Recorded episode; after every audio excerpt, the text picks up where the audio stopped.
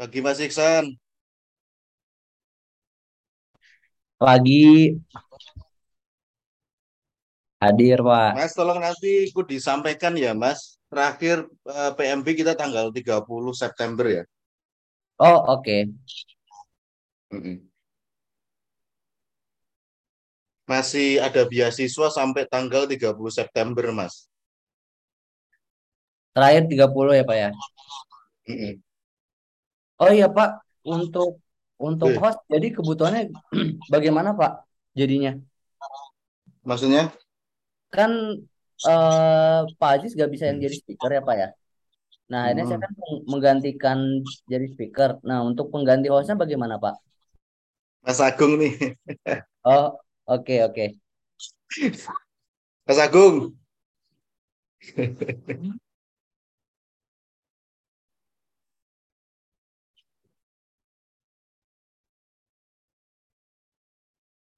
rất là ngàn lan lan ngàn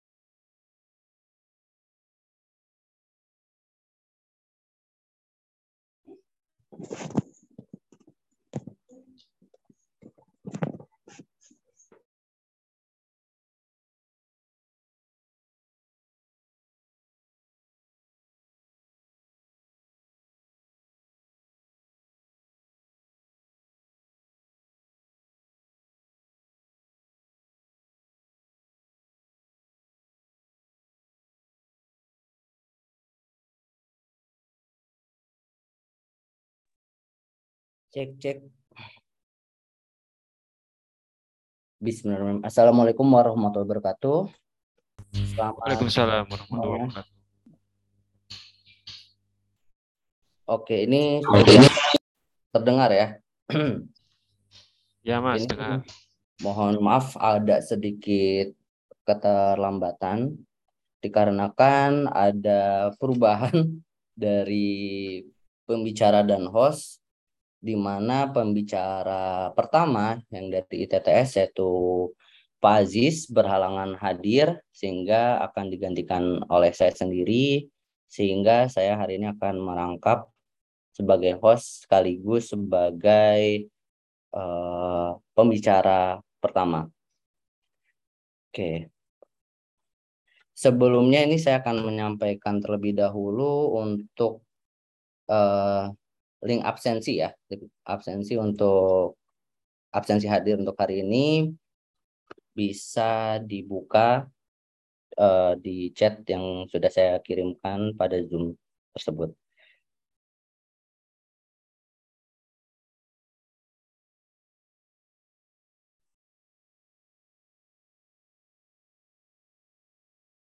Sambil menunggu mohon di uh, absen hadir terlebih dahulu ya Bapak Ibu sekalian yang sudah hadir.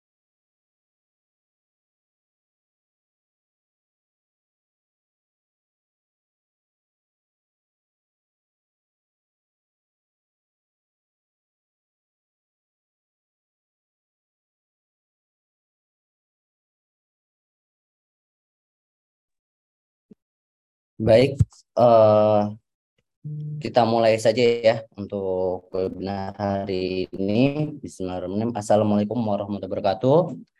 Selamat pagi dan selamat datang pada webinar Teknologi for Life's New Rhythm yang diadakan oleh Institut Teknologi Tangerang Selatan berkolaborasi dengan Jabra Indonesia. Ya, bisa kita lihat di sini sudah ada da, dari pihak Jabra juga ada Pak Kevin dan Pak Luis. Yang saya hormati Bapak Agung Budi Prasetyo STMN selaku Wakil Rektor 2.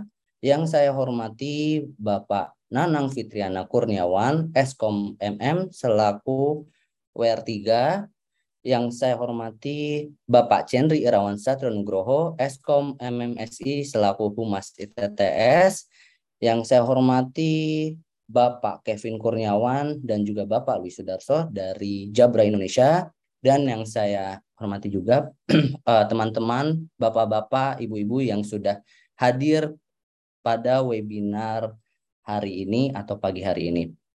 Perkenalkan, saya Muhammad Isan Fauzi, MKOM, selaku Kepala Program Studi Sistem Informasi Institut Teknologi Tangerang Selatan, sekaligus yang akan menjadi host dan juga pembicara pertama pada webinar pagi hari ini.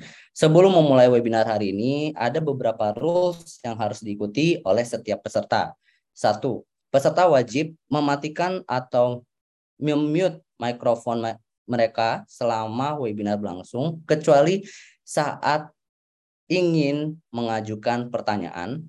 Yang kedua adalah peserta wajib menggunakan fitur raise hand untuk mengajukan pertanyaan atau bisa langsung melakukan pertanyaan atau mengajukan pertanyaan melalui kolom chat pada Zoom pagi hari ini. Dan juga yang ketiga adalah peserta wajib mengisi absensi saat registrasi dan pulang sebagai syarat untuk mendapatkan e-sertifikat. Adapun rangkaian acara pada pagi hari ini akan dimulai dari registrasi peserta, kemudian pembukaan, dilanjutkan oleh eh, sambutan-sambutan uh, dari pihak ITTS, dan uh, kemudian masuk kepada materi inti, yaitu uh, topik pertama yang akan saya sampaikan sendiri terkait teknologi untuk uh, New Life Rhythms dan juga topik kedua yang akan disampaikan oleh Pak Luis Sudarso sebagai uh, speaker kedua dari Jabra Indonesia. Dan juga uh, terakhir adalah uh, question and answer session atau setiap sesinya bisa kita buka nanti uh, tergantung dari kesepakatan saja. Dan yang terakhir adalah penutupan. Selanjutnya acara akan dilanjutkan oleh sam, oleh uh, sambutan dari pihak ITTS atau Humas ITTS yaitu Bapak Cendri Irawan Satrio Nugroho, Eskom MMSI. Kepada Bapak Cendri, saya persilahkan. Oke. Sorry ya.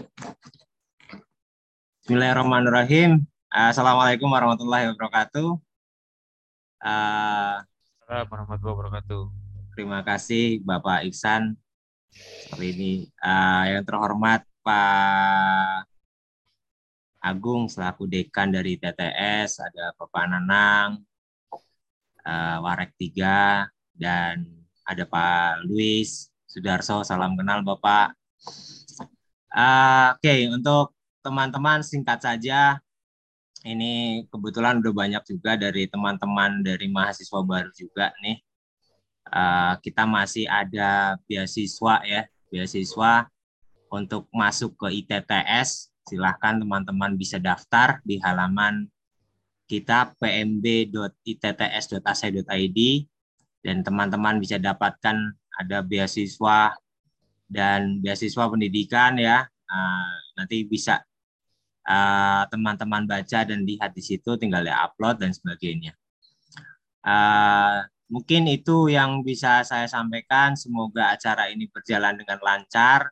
Teman-teman mahasiswa baru bisa mengikuti dengan baik. Karena ini topiknya menarik ini dari Jabra ini. Nah, teman-teman akan mengenalkan ada device beberapa device ya yang nanti akan uh, Pak Luis nanti yang sampaikan. Demikian Pak Iksan yang bisa saya sampaikan. Terima kasih atas waktunya. Assalamualaikum warahmatullahi wabarakatuh. Sukses selalu buat teman-teman. Waalaikumsalam warahmatullahi wabarakatuh. Waalaikumsalam warahmatullahi wabarakatuh. Terima kasih banyak Bapak Cendri Rawan atas sambutan yang telah diberikan.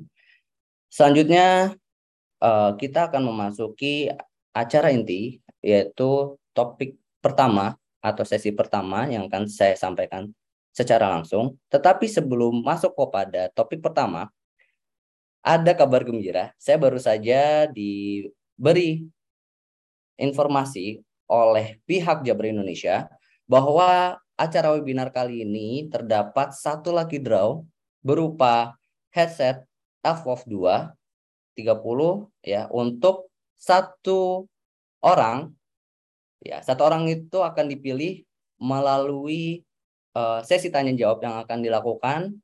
Untuk satu penanya terbaik maka akan terpilih mendapatkan lucky draw berupa headset AVOV 2 30 dari Jabra Indonesia. Sehingga harapannya dari teman-teman sekalian bisa secara aktif memberikan pertanyaan-pertanyaan yang juga uh, merupakan pertanyaan-pertanyaan yang bermutu sehingga kesempatan teman-teman semua untuk memenangkan satu pieces Jabra headset AVOV 230 ini semakin besar.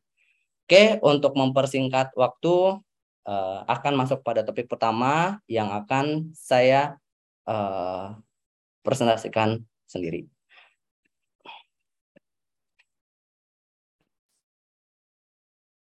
Oke, sudah terlihat ya? Saya share screen. Apakah sudah terlihat? Sudah, Pak Iksan. Aman, Oke. aman. Oke. Webinar ITTS. Wah, ini merupakan sebuah topik yang menarik ya. Kayaknya saya setiap setiap berbicara mengenai webinar ITTS, topiknya menarik semua ya. Dari yang pertama uh, vulnerability analysis, kemudian ada bagaimana ITTS ya fiber optic TTS masuk pada desa-desa yang engineer-nya itu merupakan mahasiswa ITTS sendiri, kemudian ada terkait cloud computing ya, bagaimana kita bisa meleverage bisnis kita sehingga uh, kita bisa lebih leluasa ya untuk uh, scale up maupun scale down melalui cloud computing. Kemudian baru yang terbaru yang masih hangat-hangatnya ya minggu lalu terdapat webinar terkait digital forensik. Nah, yang kali ini adalah Technology for Life New Rhythm. Nah, ini tuh sebetulnya uh, terkait dari teknologi-teknologi ya. Bagaimana teknologi bisa mempengaruhi ritme kita ya. Karena uh, ini kan terkait uh, kolaborasi dengan Jabra ya, ritme, musik, audio dan sebagainya seperti itu kan. Bagaimana teknologi ini tuh bisa mempengaruhi kehidupan kita dari uh, atau pasca pandemi ini gitu kan. Otomatis ya uh, dari pasca pandemi atau sebelum pandemi terdapat perubahan-perubahan ya yang signifikan ya uh, dari segi penggunaan atau IT adoption yang kita uh, gunakan ya baik itu untuk personal personal personal use ataupun untuk uh, company atau corporation itu semua mengalami perubahan-perubahan yang signifikan. Oleh karena itu, topik hari ini akan membahas bagaimana teknologi ini bisa uh, atau bisa digunakan pada ritme kehidupan yang baru. Ya. Oke, sebelumnya, hmm, sebelum masuk kepada materi ya, ini saya ingin sedikit membacakan mengenai uh, eh, CV singkat saya ya. Uh, nama saya adalah Muhammad Isan Fauzi, uh, MKOM uh, untuk gelar saya. Pendidikan formal saya S1 uh, mengambil jurusan Teknik Informatika Universitas Jenderal Sudirman pada tahun 2015 dan lulus di tahun 2019 Kemudian saya melanjutkan studi S2 saya jurusan Sistem Informasi dengan uh, penjurusan lagi yaitu Manajemen Sistem Informasi pada Institut Teknologi 10 November tahun 2019 hingga 2021. Ya. Jadi ITS saya dari lulusan ITS kemudian mengajar di ITTS ya, beda di T-nya seperti itu. Kemudian untuk work experience, uh, saya merupakan CEO atau founder dari Lumindo Sukses Incomso dari tahun 2020 hingga sekarang. Uh, Luminto Sukses Incomso ini sendiri merupakan perusahaan ya yang bergerak di bidang atau di industri ya consulting uh, kita mengurus dari sosial media manajemen kemudian pembuatan aplikasi sistem informasi dan ataupun aplikasi mobile lainnya. Ibaratnya kita palu gada seperti itu. Kemudian uh, saya merupakan sebelum menjadi dosen di ITTS saya merupakan dosen di Universitas Bakri dari tahun 2021 hingga 2022 pada tahun uh, eh, 2021 hingga saat ini ya saya menjadi dosen Institut Teknologi Tangerang Selatan dan kemudian saya menjadi kepala program studi sistem informasi Institut Teknologi Tangerang Selatan dari 2022 hingga saat ini. Untuk publikasi saya memiliki dua publikasi. Yang pertama adalah buku dari pembuatan sistem pakar identifikasi masalah polos pada mesin BMW tahun 2021. Yang kedua adalah Jurnal Dampak Adopsi TI terhadap kinerja perusahaan multinasional. Ya, sama ya. Saya mengambil topik untuk dampak adopsi ini karena uh, sangat menarik ya dengan webinar kali ini juga gitu kan bagaimana teknologi ini bisa disiapkan untuk treatment dari kehidupan yang baru. Kemudian untuk expertise atau kepakaran saya, saya memiliki expertise di IT Service Management, kemudian IT Governance seperti COVID, ITAL, dan yang terakhir adalah Programming. Seperti itu. Untuk agenda pada uh, pagi hari ini, saya akan membahas terkait yang pertama adalah the mobile world. Information tech in your life. Kemudian selanjutnya adalah two parts of IT. Kemudian bagaimana teknologi digunakan pada education. Bagaimana IT digunakan pada your personal life. Kemudian bagaimana kita bisa menjadi seseorang atau becoming the tech smart bagaimana kita bisa mengoptimalkan, mengoptimize, bisa mengoptimalisasi penggunaan teknologi sehingga bisa memberikan benefit pada kehidupan kita atau pada bisnis maupun organisasi yang kita miliki. Kemudian communications dan terakhir adalah Q&A session. Oke, masuk kepada topik pertama, the mobile world information technology and your life. Ini yang menarik nih. Michael Saylor, penulis dari The Mobile Wave, ya, komputasi mobile ya akan menjadi katalis yang membawa masyarakat kepada perubahan paling dramatis dari revolusi informasi. Ya, bisa kita lihat ya di sini highlightnya ya kan adalah se adalah di sini. Di kata katalis. Katalis ini kalau kalian ingat ya dari mata pelajaran kimia gitu ya. Itu adalah salah satu material untuk pendorong gitu kan. Untuk yang uh, material yang membantu yang dapat membantu ya proses percepatan. Jadi dia bukan bukan hanya satu-satunya parameter tapi merupakan salah satu parameter yang penting. Begitu juga dengan uh, di dunia teknologi ya. Komputasi mobile ya ini akan menjadi katalis gitu kan.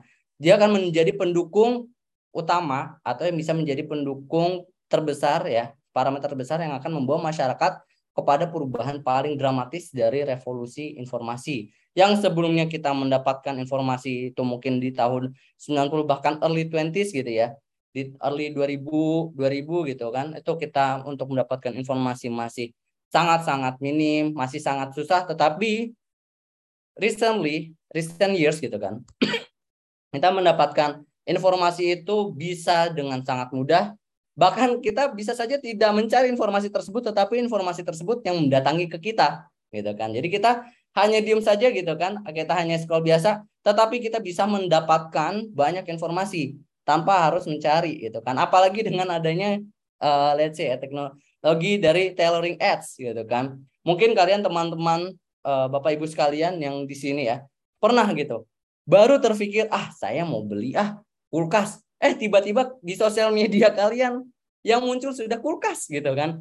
Kulkas dari misalnya uh, Sharp, kemudian habis itu kulkas dari Gea, Midea dan sebagainya gitu kan. Sudah muncul gitu. Kulkas satu pintu, kulkas dua pintu, bahkan kulkas empat pintu yang harganya atau smart refrigerator gitu kan yang sekarang lagi uh, hype juga gitu kan untuk kalangan crazy rich crazy rich gitu kan. Amin semoga kita semua bisa gitu kan.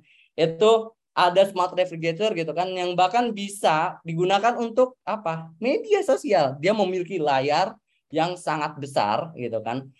Sehingga kita bisa aja gitu sambil nyari apa cemilan gitu kan, nyari makan, martabak say gitu kan. Oh, kulkas mahal tapi isinya tetap martabak gitu. Itu kita sambil nge-tweet gitu kan atau sambil browsing gitu kan. Nah, dari situlah apa namanya? teknologi berkembang gitu.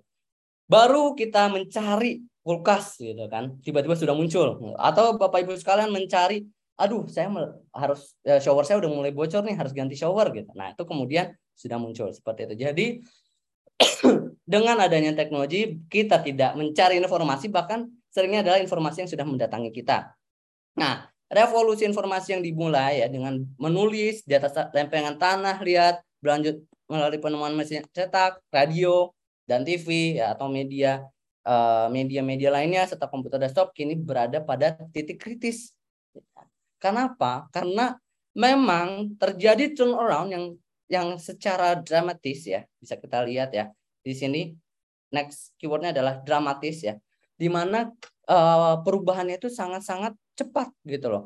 Nah di sinilah uh, perusahaan-perusahaan ya yang bergerak di uh, media media-media konvensional tuh harus bisa melakukan pivoting yang out of the box gitu kan.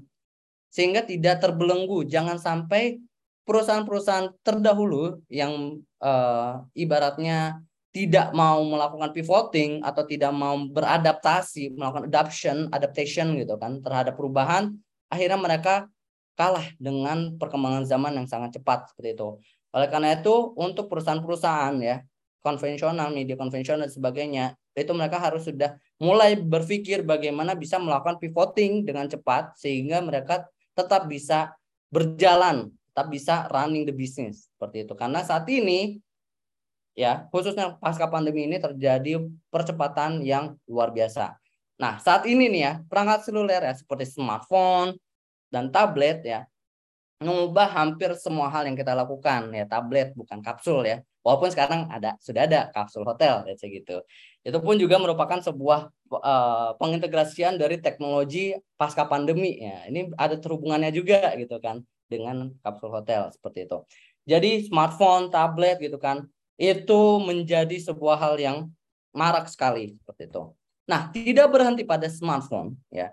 Saat ini sudah muncul berbagai smart devices lainnya. Oh, yang tadi sudah saya sempat singgung sedikit, ada smart refrigerator gitu kan. Kemudian ada smart TV, ada yang sekarang mungkin ya di daerah Jabodetabek kalian mungkin sering ngelihat gitu kan kalau kalian lagi nyari-nyari rumah gitu karena saya sering nyari-nyari rumah muncul gitu kan Ya, sekarang rumah dengan smart home didukung oleh smart home. Wah, itu kan smart home itu sangat-sangat luas sekali cakupannya gitu kan. Kebetulan saya juga akan uh, eh, lagi melakukan penelitian terkait smart home juga gitu. Nah, itu sangat-sangat luas sekali di mana uh, pengaplikasian, pengimplementasian dari apa? Smart door lock, kemudian ada dari smart CCTV, kemudian ada smart switch, kemudian ada smart bahkan smart gorden nih yang kemarin saya lagi nyari-nyari tiba-tiba ketemu wow ada smart gorden gitu kan di mana kita bisa menggunakan voice command atau bahkan ya tadi smartphone ya yang kecil itu untuk melakukan atau membuka smart uh, gorden kita gitu dari jarak jauh gitu kan aja kita lagi di luar kota ya.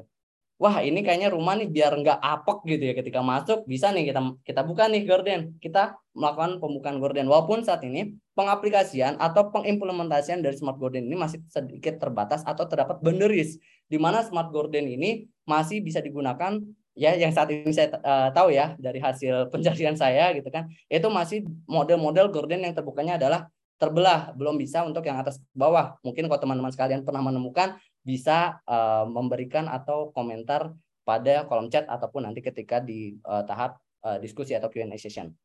Nah, adanya smart gorden kemudian smart switch di mana kita bisa melakukan penghematan yang luar biasa bahkan ada juga untuk smart uh, smart plug ya, di mana kita bisa melakukan uh, mengatur mengonfigurasi kapan uh, aliran listrik itu nyala, aliran itu aliran listrik itu mati dan sebagainya. Ada kemudian smart IR gitu kan yang bisa mengatur AC ya. Mungkin kalau AC gitu ya, untuk para pengguna Android khususnya Xiaomi gitu ya, udah memiliki AR booster gitu ya. Nah, itu bisa kan menyalakan uh, apa namanya AC dan sebagainya gitu hanya menggunakan handphone, smartphone gitu kan. Tidak ah udah nggak udah nggak perlu lah make remote seperti itu. Tetapi yang menarik adalah dengan berkembangnya itu ternyata teknologi TV pun juga berkembang, munculnya smart smart TV gitu kan. Bahkan remote-remote TV pun sekarang makin lucu-lucu, makin menarik gitu kan. Itulah terjadinya perkembangan dari the mobile world seperti itu. Next, ya adalah mulai dari generasi milenial ya. Orang-orang menghabiskan 8 jam atau lebih per hari. Wah. Melihat berbagai layar seperti smartphone, komputer dan TV. Data ini dapat dari mana sih? Nah, kalau kalian lihat gitu ya, di tiap smartphone atau smart devices yang tadi saya sempat baca, itu tuh sekarang sudah ada fitur yang namanya screen time sehingga kita bisa melihat secara langsung gitu kan kita tuh screen uh, screen time-nya berapa setiap harinya gitu. FYI for untuk saya sendiri screen time itu bisa menyentuh 9 sampai 12 jam sehari. Wah, itu benar-benar makanya kalau kalian lihat saya juga menggunakan kacamata gitu kan itu karena uh, screen time yang cukup tinggi gitu kan. Nah, ini dari penelitian yang sudah dilakukan gitu kan, data yang sudah ada ya. Generasi milenial menghabiskan 8 jam atau lebih per hari melihat berbagai layar ya, dari smartphone, komputer, TV, dan smart devices lainnya. nah, milenial, generasi Gen Z dan sebagainya, kalau misalnya ngelihat gitu kan Gen Z 2000 dan sebagainya itu, itu mereka disebut sebagai digital natives. Wah. Jadi apa namanya? Kalau di bahasa uh, belajar bahasa Inggris atau belajar bahasa lainnya ada yang namanya native speaker. Nah, digital ini pun juga sama. Ada yang namanya digital native ya. Selalu sibuk dengan pesan teks, email, dan internet gitu kan nggak nggak hanya itu tadi informasi informasi kita mencari gitu kan atau kalian yang sekarang uh, aktif juga di Twitter wah belakangan ini sedang rame-ramenya terkait dari isu-isu uh, apa namanya yang ada di Indonesia ini gitu kan tuh kita bisa mendapatkan informasi yang sedemikian rupa banyaknya nah ketika orang tua mereka berbelanja langsung ya di toko retail para milenial akan melihat-lihat mencari informasi dan bertransaksi langsung secara online. Nah, ini mulainya atau merebaknya merambahnya ya dunia e-commerce gitu kan. Itu sekarang uh, sudah mulai ditinggalkan untuk yang secara, datang secara langsung gitu kan. Misalnya gitu kali apa namanya kalian yang sudah menikah atau punya pacar gitu kan diajakin shopping ah nggak mau ah gitu. Eh tiba-tiba datang paket ya.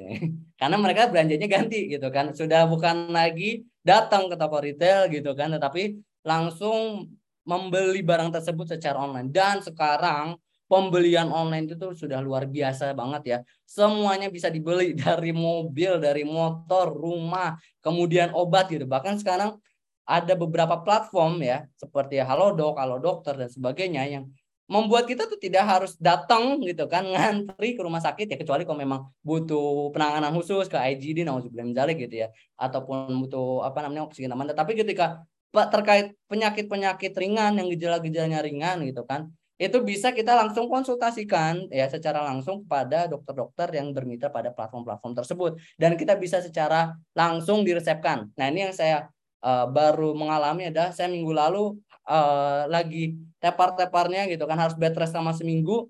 Nah itu saya nggak ke dokter, tetapi saya menggunakan salah satu platform tersebut. Saya ngasih tahu semua simptomnya, semua gejalanya. Saya mendapatkan obatnya dan kodarullah ya langsung gitu tiga hari empat hari saya bisa sembuh. Saya tidak harus keluar.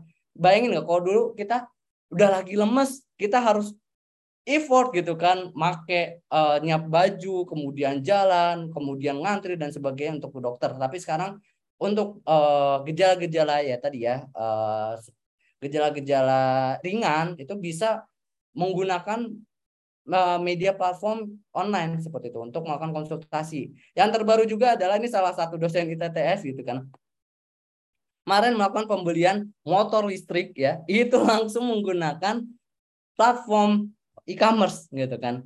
Bahkan dia benar ya udah nggak sama sekali nggak datang gitu kan, beli baru gitu langsung bisa langsung dibeli gitu kan. Dan pilihan pun ya ketika kita membeli secara online itu tuh kita diberikan pilihan yang lebih banyak gitu kan. Kenapa bisa pilihan lebih banyak? Kita ibaratnya bisa datang ke banyak dealer sekaligus hanya dari tiduran. Atau sambil duduk gitu kan scroll nyari-nyari gitu kan. Dealer. Coba kalau misalnya kita masih offline harus di retail dan sebagainya kita berkeliling. Seperti itu. Nah ini kita bisa mendatangi 10 dealer 20 dealer dalam waktu satu jam gitu kan.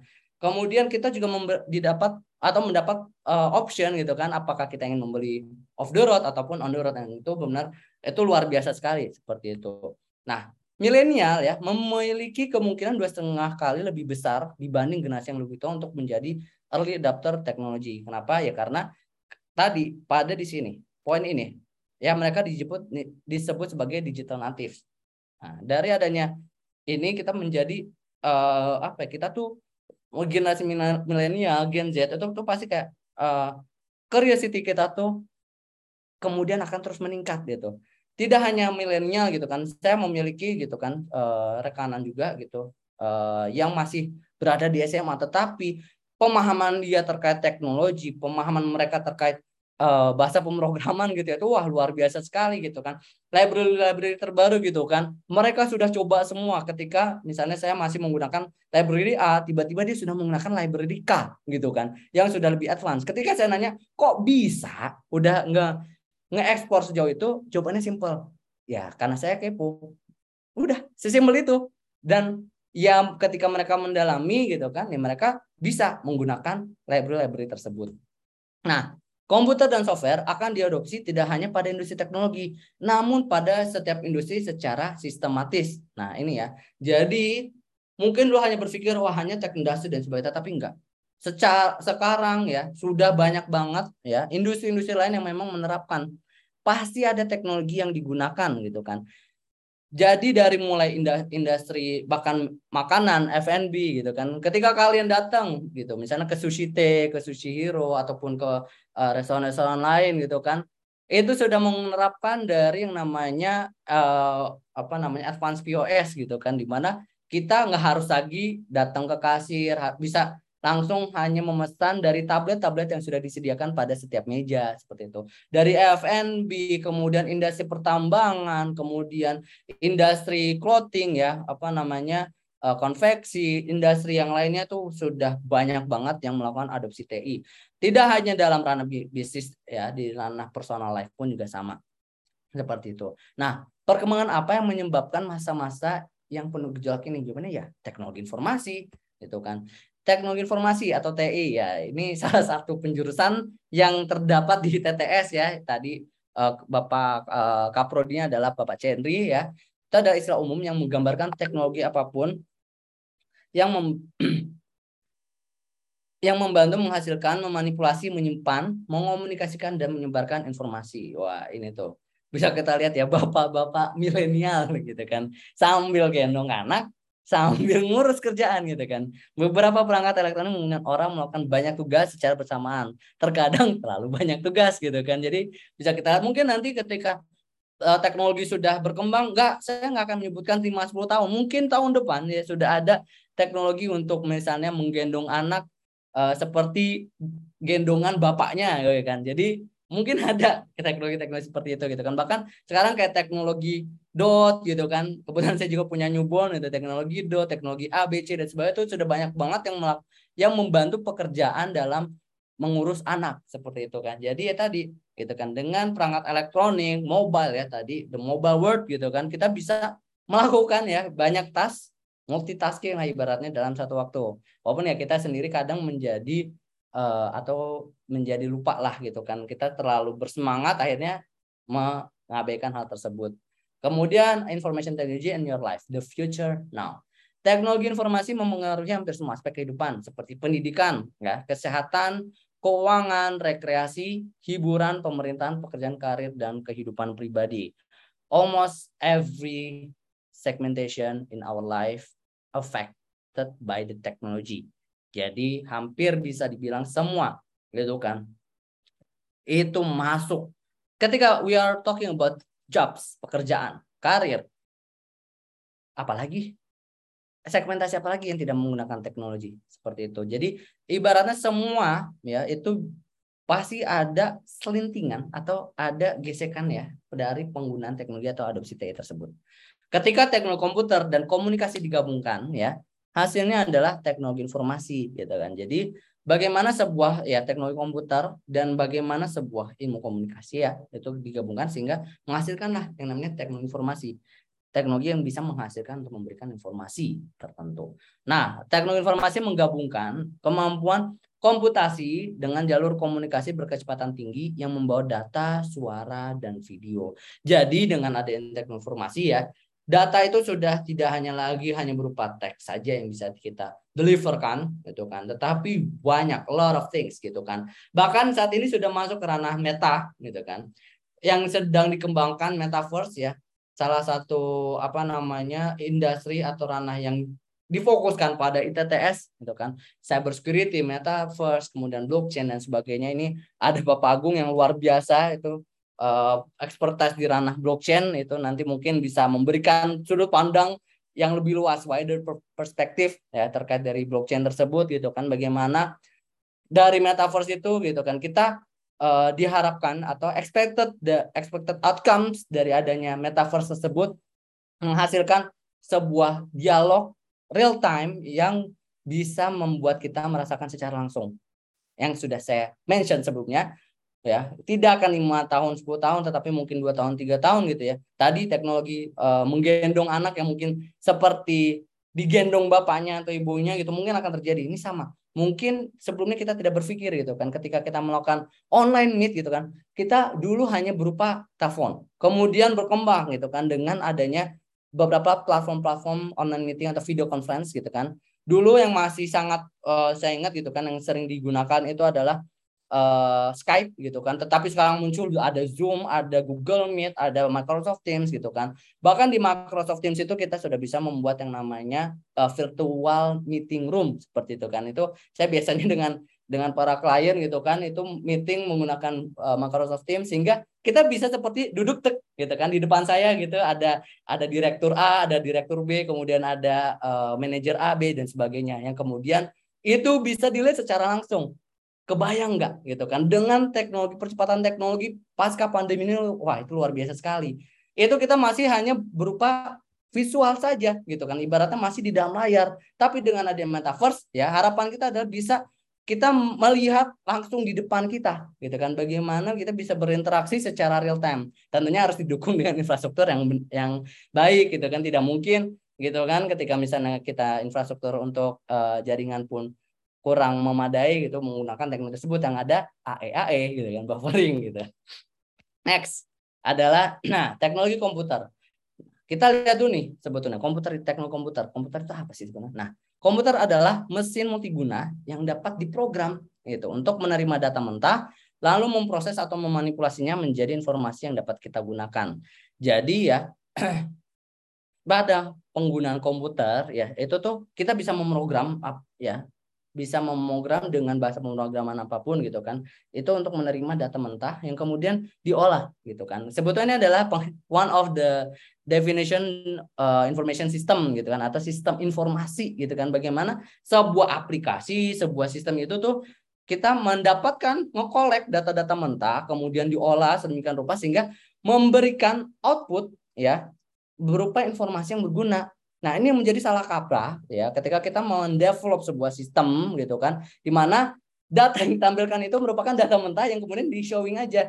Nah, itu itu namanya bukan sebuah sistem informasi atau bukan sebuah teknologi komputer, tetapi pada dasarnya ketika kita membuat sistem gitu kan, data mentah tersebut harus diolah gitu kan sehingga informasi yang diberikan itu bisa menjadi atau memiliki nilai guna, memiliki value tersendiri seperti itu. Kemudian tujuan utamanya adalah untuk mempercepat pemecahan masalah dan meningkatkan produk produktivitas.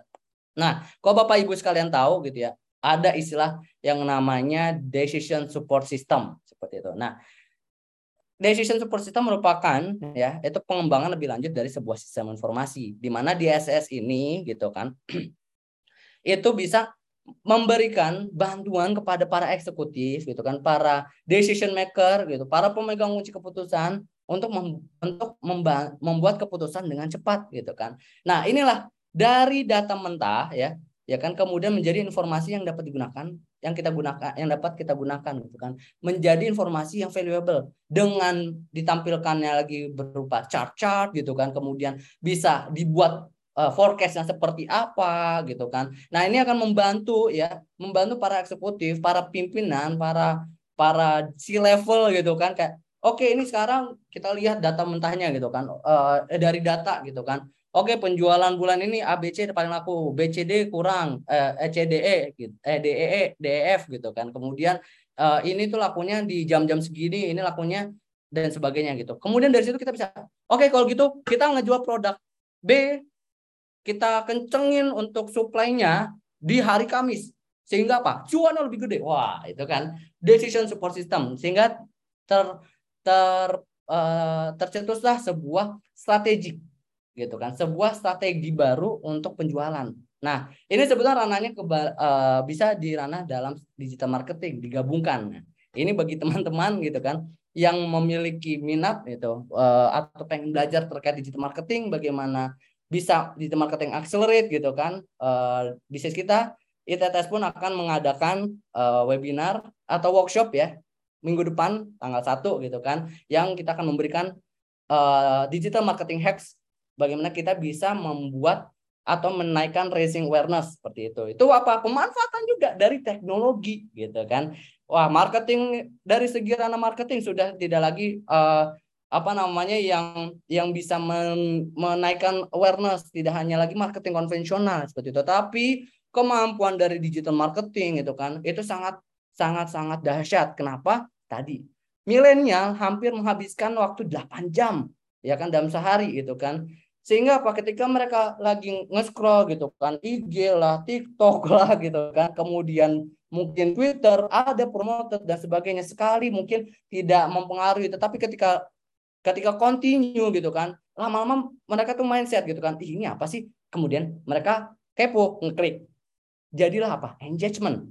Gitu kan nah dari engagement kemudian harapannya adalah bisa apa terkonversikan menjadi sebuah sales nah itulah itu uh, perannya digital marketing ketika di ranah teknologi seperti itu nah kemudian teknologi komunikasi nah teknologi komunikasi terdiri dari sistem dan perangkat elektromagnetik untuk berkomunikasi melalui jarak berapapun Contohnya telepon, radio, satelit, ya siaran televisi dan TV kabel. Ini yang menarik nih. Satelit. Satelit penggunaan satelit kali ini sudah sudah sudah sangat-sangat luar biasa gitu kan. Kalau ketika kalian melihat sebuah peluncuran uh, event peluncuran Apple ya kemarin iPhone 14 di mana adanya uh, fitur untuk mengirimkan emergency SOS yang memanfaatkan satelit ketika kita mengalami crash itu menurut saya salah satu implementasi atau integrasi pengintegrasian teknologi yang luar biasa gitu loh. Di mana memanfaatkan satelit gitu kan untuk melakukan kontak gitu kan. Ketika kita nodalik ter, uh, uh, mengalami kecelakaan, crash ataupun yang lainnya gitu kan, itu bisa secara otomatis mengirimkan emergensi kepada emergensi kontak yang sudah diassign pada device kita. Itu adalah salah satu uh, implementasi ya gitu kan dari satelit gitu. Banyak hal lainnya dari pengintegrasian satelit yang bisa kita umes gitu kan.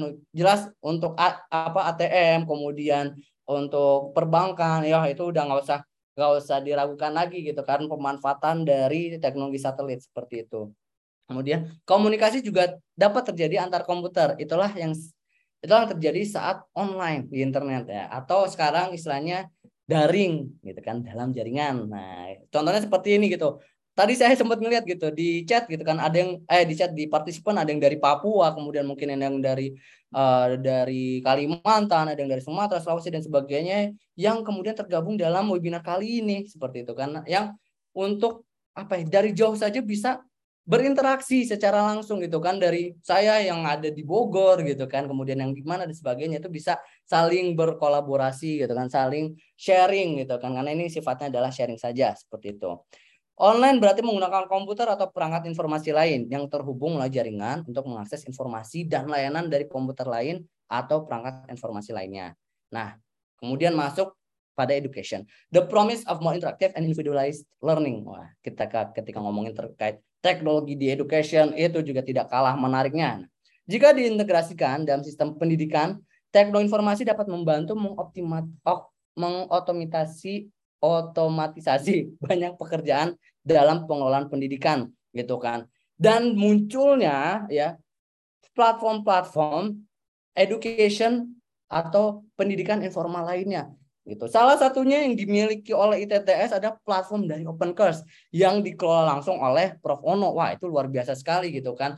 Adanya platform Open Course gitu kan kita bisa belajar gitu kan langsung materi-materi yang wah top notch banget deh gitu kan yang wah luar biasa gitu kan menjadi syarat ibaratnya syarat-syarat standar kalau mau di endorse oleh Prof Ono gitu kan. Itu kita bisa belajar di open course gitu kan, bisa menggunakan open course, banyak banget materi di dalam open course yang bahkan ya ITTS memiliki program untuk melakukan konversi bagi bagi Bapak Ibu sekalian atau adik-adik sekalian gitu kan yang menggunakan open course dan lulus pada mata kuliah atau subjek yang ada di dalam open course itu bisa dikonversikan langsung ke dalam SKS.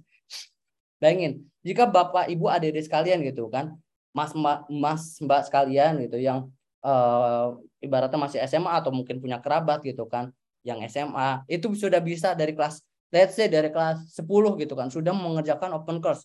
Total dia sudah lulus pada uh, 3 sampai 4 subjek gitu kan. Bis, ketika dia mendaftar kuliah, dia sudah memiliki tabungan hingga 9 sampai 12 SKS. Karena apa? Bisa dikonversikan. Kapan lagi gitu kan terdapat platform informal yang bisa langsung diintegrasikan oleh education formal. Nah, itulah hebatnya dari kita TS gitu kan. Kita kita menerima untuk proses konversi uh, eh, SKS dari open course tersebut. Sehingga ketika masuk gitu kan uh, kampus-kampus lain mungkin harus dimulai dari nol SKS, tapi ketika kalian sudah lulus dari open course, kalian sudah memiliki tabungan gitu kan. Bayangin aja baru misalnya kalian memiliki jatah 20 SKS gitu kan. Pada semester 1 kalian sudah mengambil 12 SKS gitu kan. Kalian hanya mengambil 8 SKS lagi atau misalkan pun mau dimaksimalkan gitu kan. Total membutuhkan 144 SKS ya wis di semester 1 ambil 20 SKS juga ditambah 12 SKS seperti itu. Kalian sudah memiliki 32 SKS sehingga proses kalian untuk lulus bisa menjadi lebih cepat. Ada banyak platform-platform lainnya gitu kan. Platform informal lainnya yang kemudian itu diakui gitu kan oleh uh, para uh, industri gitu kan sebagai syarat untuk mendaftar di pekerjaan-pekerjaan yang mereka buka gitu kan. Ada seperti ya Udemy, Decoding dan sebagainya di mana itu platform-platform yang kemudian bisa di acknowledge bisa menjadi bahan atau bergaining value kita ketika kita melakukan pendaftaran gitu kan lowongan pekerjaan. Di situ banyak banget training-training gitu kan. Kemudian ada juga sertifikasi-sertifikasi gitu kan ada uh, apa namanya sertifikasi dari mungkin AWS, Google dan sebagainya yang kemudian itu bisa digunakan mereka sebagai bargaining value kita gitu kan. Nah, itu dari ranah education formal dan informal. Nah, selain itu pemanfaatan teknologi informasi pun ya ini juga bisa digunakan apa? Untuk mengelola ya.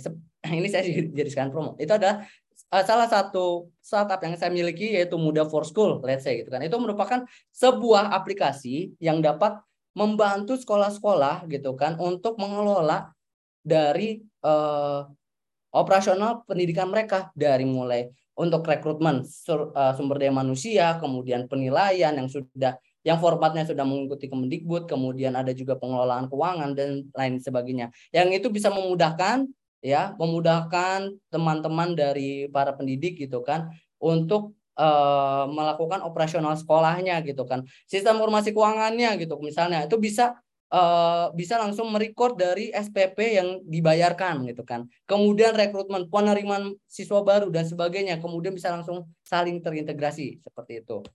Nah ini ya mengurangi beban kerja pengajar sehingga pengajar dapat memiliki lebih banyak waktu untuk menjangkau siswa secara individu. Adanya seperti e-learning juga LMS ya kan. Kemudian dan berbagai macam atau sesimpel adanya WhatsApp group gitu kan atau WhatsApp gitu kan ataupun platform chat lainnya gitu kan yang bisa digunakan oleh para pengajar untuk nge-approach tiap siswanya masing-masing sehingga bisa memberikan atau bisa langsung mendapatkan feedback secara langsung dari para siswa.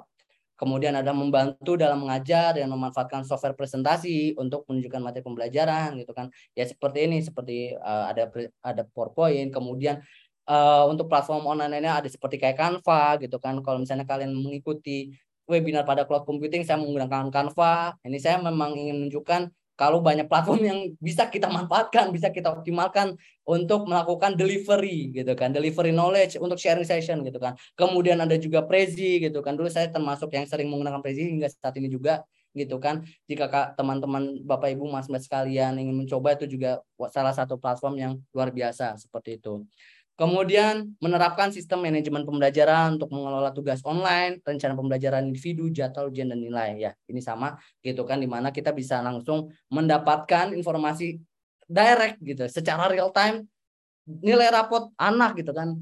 Jadi anak itu ketika uh, ujian udah nggak bisa lagi gitu kan ngumpet-ngumpetin kertas ulangan kenapa sudah terrecord ibaratnya gitu bisa langsung di dilihat gitu kan tapi bukan untuk dimarahi ya bapak ibu sekalian tetapi dibimbing gitu kan kita cari solusinya bagaimana bisa untuk meningkatkan atau mungkin anak dari anak-anak bapak ibu sekalian memiliki minat lain bisa diarahkan ke yang lain gitu kan ternyata anak bapak ibu sekalian minatnya di sepak bola gitu kan bisa disekolahkan di akademi sepak bola gitu kan. Nah, itu kan bisa menjadi apa? Strategi kita sebagai orang tua gitu kan untuk memberikan uh, memberikan solusi-solusi yang insya Allah terbaik untuk anak kita. Tetapi jangan lupa untuk tetap mengutamakan demokrasi dengan anak sehingga anak tidak merasa kita sebagai orang tua yang otoriter seperti itu kan. Tetapi kita di sini bisa mendapatkan informasi sehingga kita bisa membuat sebuah strategic and planning yang lebih baik ke depannya. Seperti itu. Nah, education lanjut ya. Jangkauan teknologi informasi ke dalam dunia pendidikan telah dimulai dan semakin berkembang. Wah, bisa kita lihat ya, mungkin zaman pandemi terutama itu uh, semua kelas itu online gitu kan. Uh, kemudian semuanya mem mempelajari menggunakan LMS dan sebagainya gitu kan. Kemudian guru-guru, para pengajar, dosen itu tuh yang awalnya mungkin konvensional kemudian harus melakukan apa pivoting sehingga mereka bisa beradaptasi gitu kan dengan perkembangan zaman. Nah, yang lebih hebatnya lagi ini salah satunya adalah ITTS, di mana ITTS ini menerapkan uh, skema hybrid gitu kan. Jadi skema hybrid ini adalah penggabungan antara kelas offline dan online. Jadi sehingga Bapak Ibu sekalian, Mas Mbak gitu kan yang punya Bapak Ibu sekalian atau Mas Mbak yang pengen daftar atau punya kerabat, anak dan sebagainya yang pengen melanjutkan kuliah tetapi pengen uh, sambil uh, mengembangkan gitu kan skill atau uh, skill lainnya gitu kan mungkin ada interpersonal skill atau soft skill lainnya gitu. Tapi detail juga dapat sih itu di luar dari mata kuliah itu bisa gitu. Kenapa? Karena kita sambil hybrid gitu kan tidak harus datang ke kelas seperti itu. Kita memberikan uh, apa namanya memberikan sebuah uh, service gitu kan sebuah advantage value kepada eh, teman-teman sekalian sehingga bisa mengambil kuliah di TTS walaupun tidak dekat walaupun kita memang tetap mengutamakan untuk yang di uh, sekitaran Tangerang Selatan.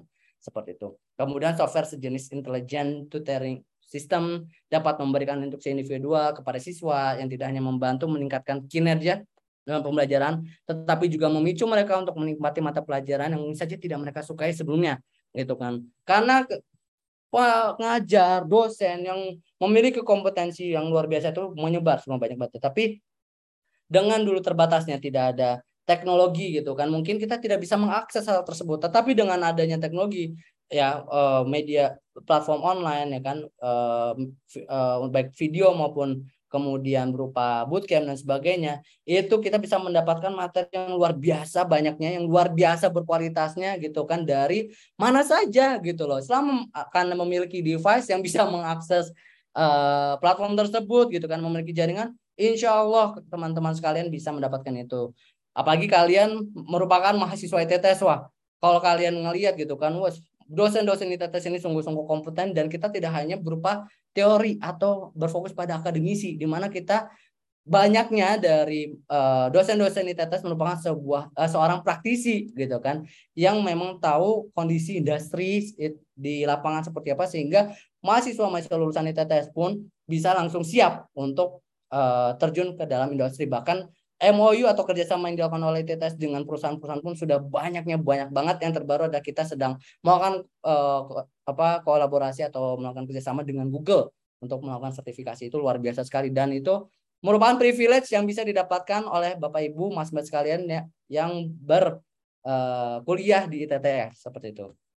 Kemudian your personal life. Komputer memainkan peran penting dalam kehidupan pribadi kita. Ya, merayakan hari raya jauh dari rumah Salah. Kita dapat bergabung ya dengan keluarga besar melalui sebuah laptop atau komputer yang dihubungkan dengan kamera dan layanan komunikasi seperti Zoom, Skype, atau Google Hangout ya atau Google Meet. Nah, di sinilah kemudian yang kemu- yang sedang dikembangkan. Saat ini mungkin ya masih rasa virtual. Ada yang bilang ah tapi kan feelnya masih berbeda dan sebagainya. Ini yang kemudian dari adanya munculnya metaverse gitu kan. Itu yang diharapkan bisa me- mengoptimalkan hal tersebut gitu kan. Ya mungkin memang terdapat terdapat yang namanya gap atau boundary ketika kita hanya melakukan secara virtual.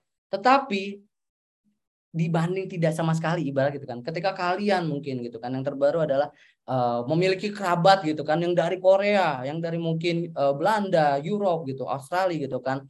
Uh, ketika waktu itu uh, kakak saya gitu melanjutkan kuliah di Australia kemudian tidak bisa pulang waktu lebaran ya wis kita apa? Menggunakan video conference gitu kan ya memang terasa kurang tetapi itu bisa men menimbulkan rasa masih kebersamaan gitu kan. Apalagi kita di Indonesia itu kan banyak guyup ya kan. Nah di situlah dengan adanya teknologi kita bisa memanfaatkan hal-hal tersebut gitu kan di dana kepribadian kita. Nah kita juga dapat memposting foto untuk diperlihatkan pada keluarga dan teman baik di Facebook Instagram gitu kan. Story gitu kan ketika kayak saya termasuk yang uh, apa namanya uh, jarang untuk ngepost uh, secara uh, postingan feed gitu ya saya lebih sering story atau uh, Aji Story atau uh, atau dari WhatsApp Story gitu kan. Nah itu kemudian di situlah kita bisa berbagi gitu kan. Di situ kita juga bisa jadi update gitu kan pa, uh, pada kolega-kolega kita gitu kan. Mungkin yang kita uh, apa namanya ragu untuk uh, tegur sapa dan sebagainya kita bisa melihat oh dia sekarang kayak gini. Oh dia sekarang kondisinya kayak gini gitu kan.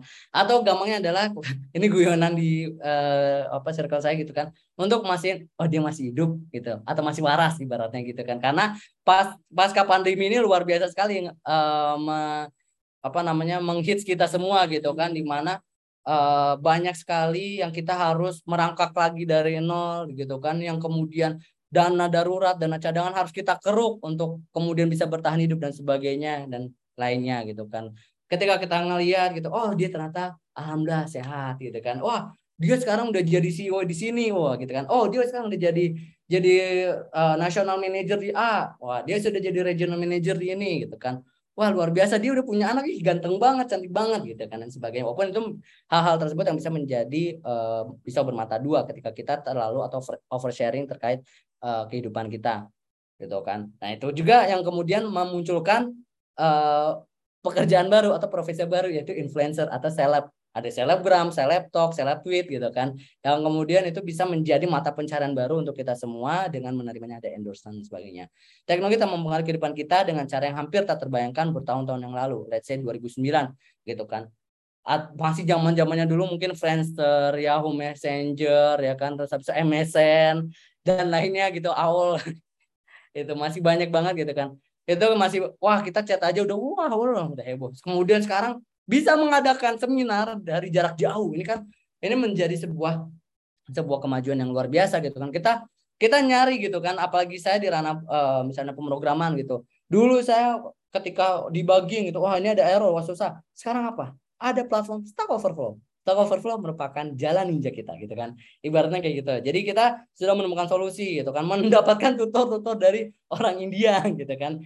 Kita mendengarkan walaupun kita harus masang kuping lebih tipis lagi untuk mendengarkan aksen mereka gitu kan. Tetapi mereka bisa menjelaskan atau bisa memberikan solusi pada permasalahan yang kita temui seperti itu. Kemudian situs hubungan online. Wah ini nih buat kalian para jomblowers gitu kan yang yang sudah sudah hopeless gitu kan. Aduh gua ketemu kalau gua cuma kerjanya kerja tidur kerja tidur dari mana dapat jodohnya? Nih adanya situs hubungan online gitu kan. Atau kencan online menyediakan forum yang dapat diikuti oleh orang orang-orang dengan harapan dapat bertemu teman atau pasangan yang cocok. Contohnya seperti Match.com, Harmony, Badu, Tinder, ya kan, Tantan, kemudian Bumble dan sebagainya. Walaupun di tiap tiap-tiap aplikasi uh, dating apps ini pun juga memiliki uh, segmentasi-segmentasi tersendiri. Dan tidak hanya untuk mencari pasangan gitu kan. Kita bisa saja mencari kolega baru gitu kan.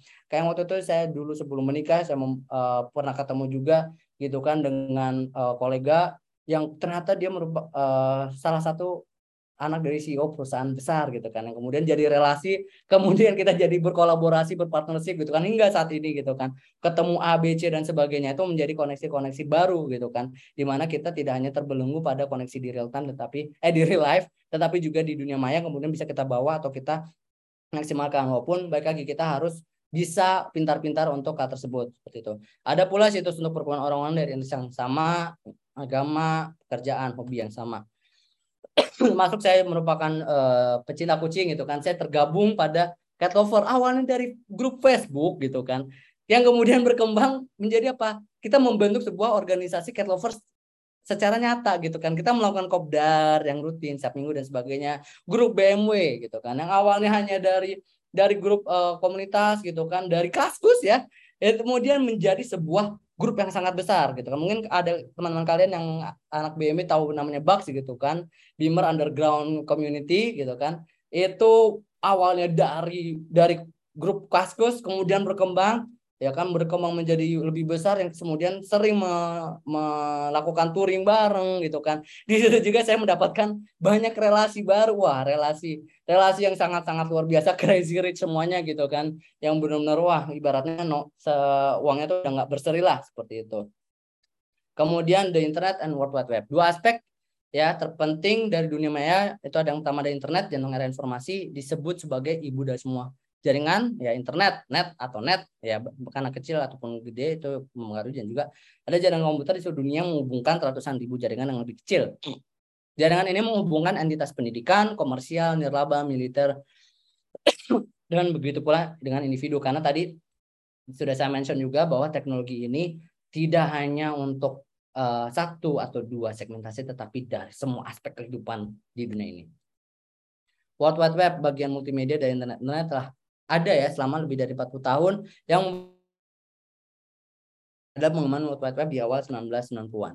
Sering disebut hanya web ya, yaitu sistem yang saling berhubungan dari komputer server yang mendukung format dokumen khusus dalam bentuk multimedia. Kata multimedia ini berasal dari multiple media, media yang banyak kita gitu mengacu pada teknologi yang menyajikan informasi di lebih dari satu media seperti teks, ya kan gambar diam, gambar bergerak atau GIF animation gitu kan dan suara yang kemudian sekarang berkembang banget sangat-sangat banyak gitu kan yang kemudian ada animation, ada video ya yang benar kemudian gambar bergerak itu bisa menjadi berupa GIF ataupun memang video gitu kan. Kemudian di dalam satu platform yang bisa menampung hal tersebut seperti itu.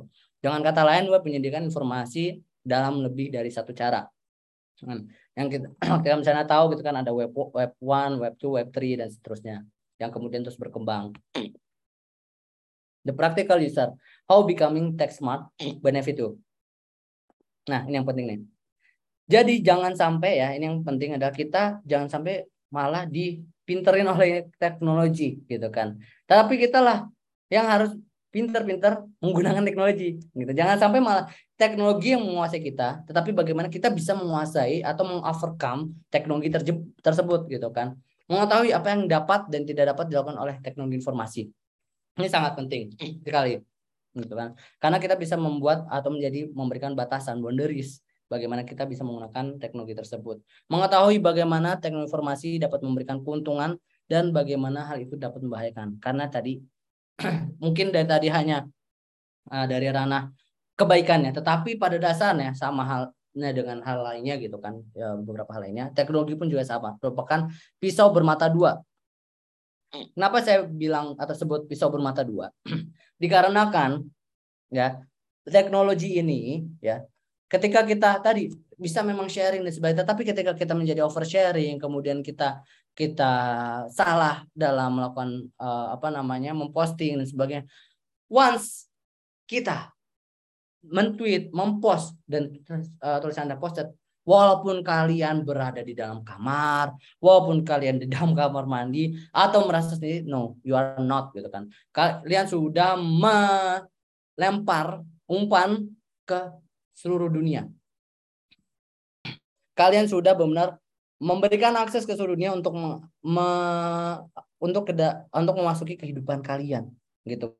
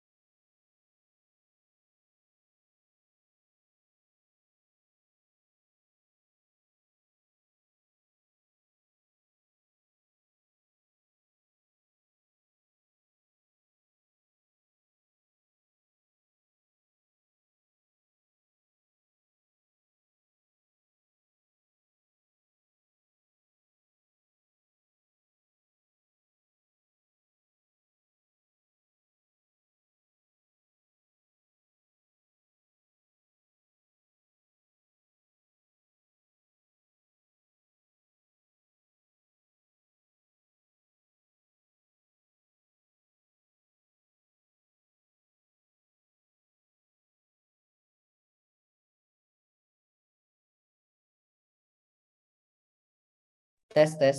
Halo. Oke, nya tadi keputus ya.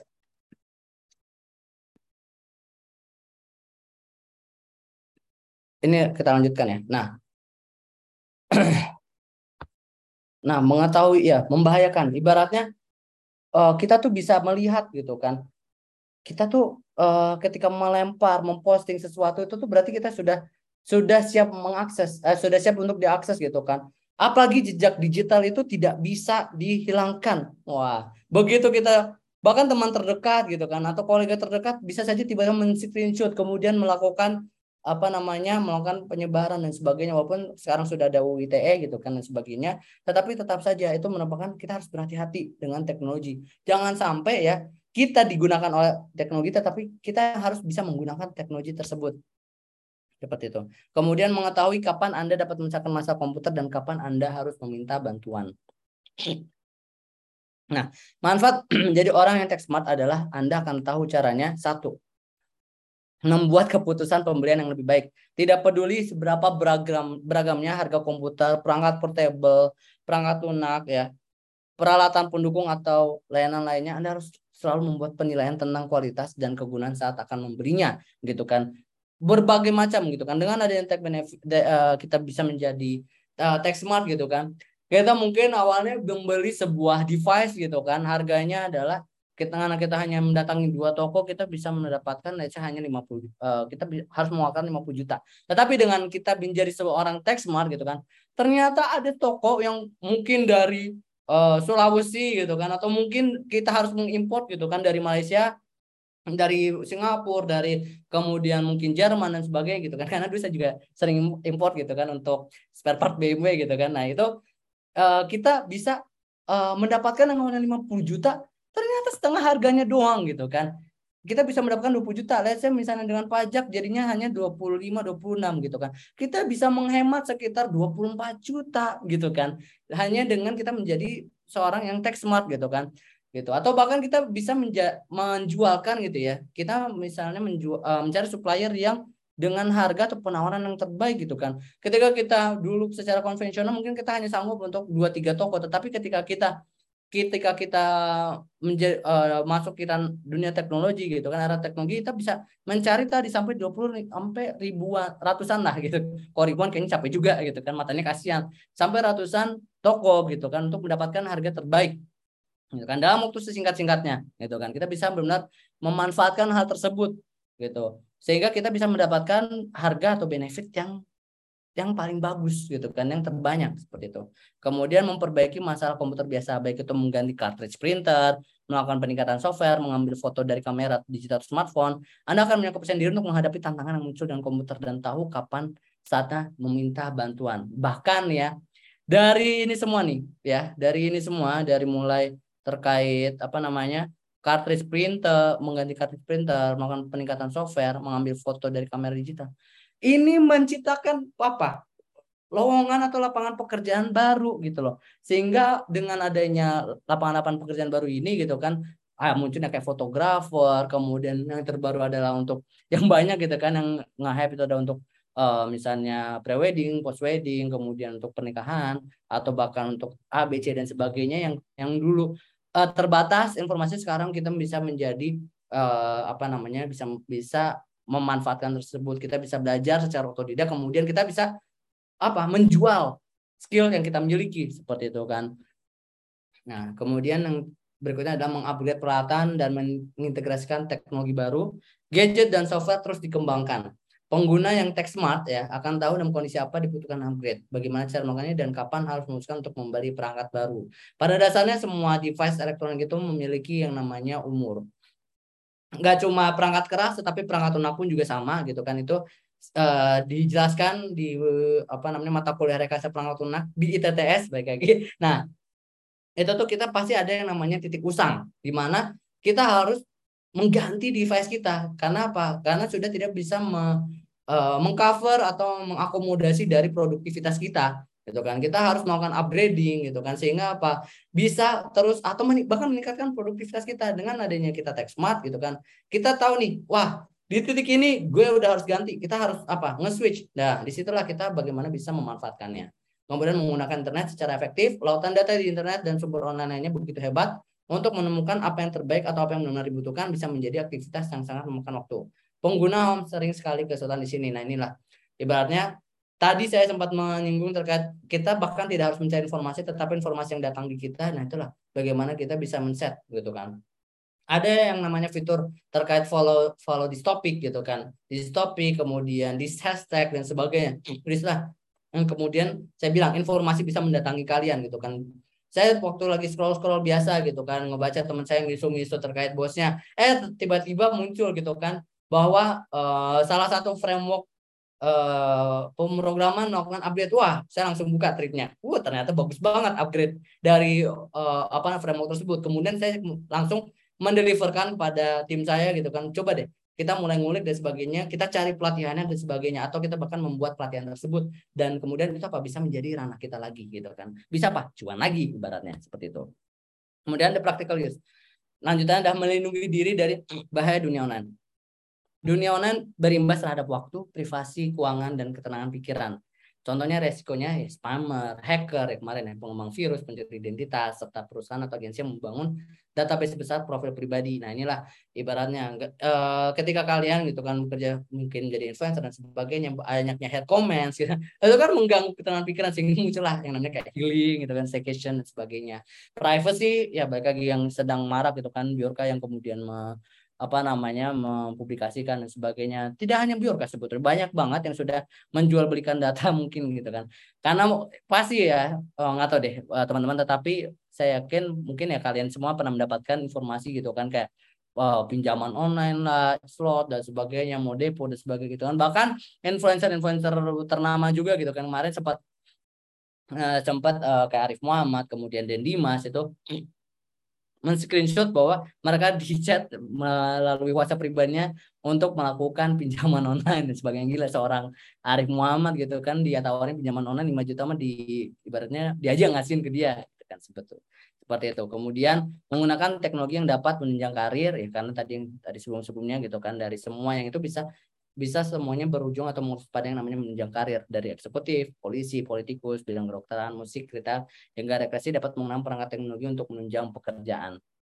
Nah, sistem etik ini menjadi lebih terhubung dan lebih interaktif dan mendukung lebih banyak beragam multimedia. Apalagi dengan adanya kemarin ya, baru saja diadakan workshop juga di TTS terkait IoT, Internet of Things. Wah, ini luar biasa sekali gitu kan di mana kita ya tadi dengan ada smart device yang lain untuk memanfaatkan semuanya dari IoT gitu kan. Di TTS pun diajarkan terkait IoT gitu kan. Langsung oleh para pakar-pakarnya gitu kan IoT itu ranahnya banyak gitu kan ada yang menggunakan objek blocks ada yang menggunakan Python ada yang menggunakan bahkan kalau misalnya yang sudah ini menggunakan microcontroller microcontroller seperti Arduino, Raspberry Pi gitu kan. Kemudian memanfaatkan layar gitu. Yang saya pernah buat adalah smart pot gardener gitu kan. Memanfaatkan beberapa sensor untuk menumbuhkan sebuah tanaman seperti itu.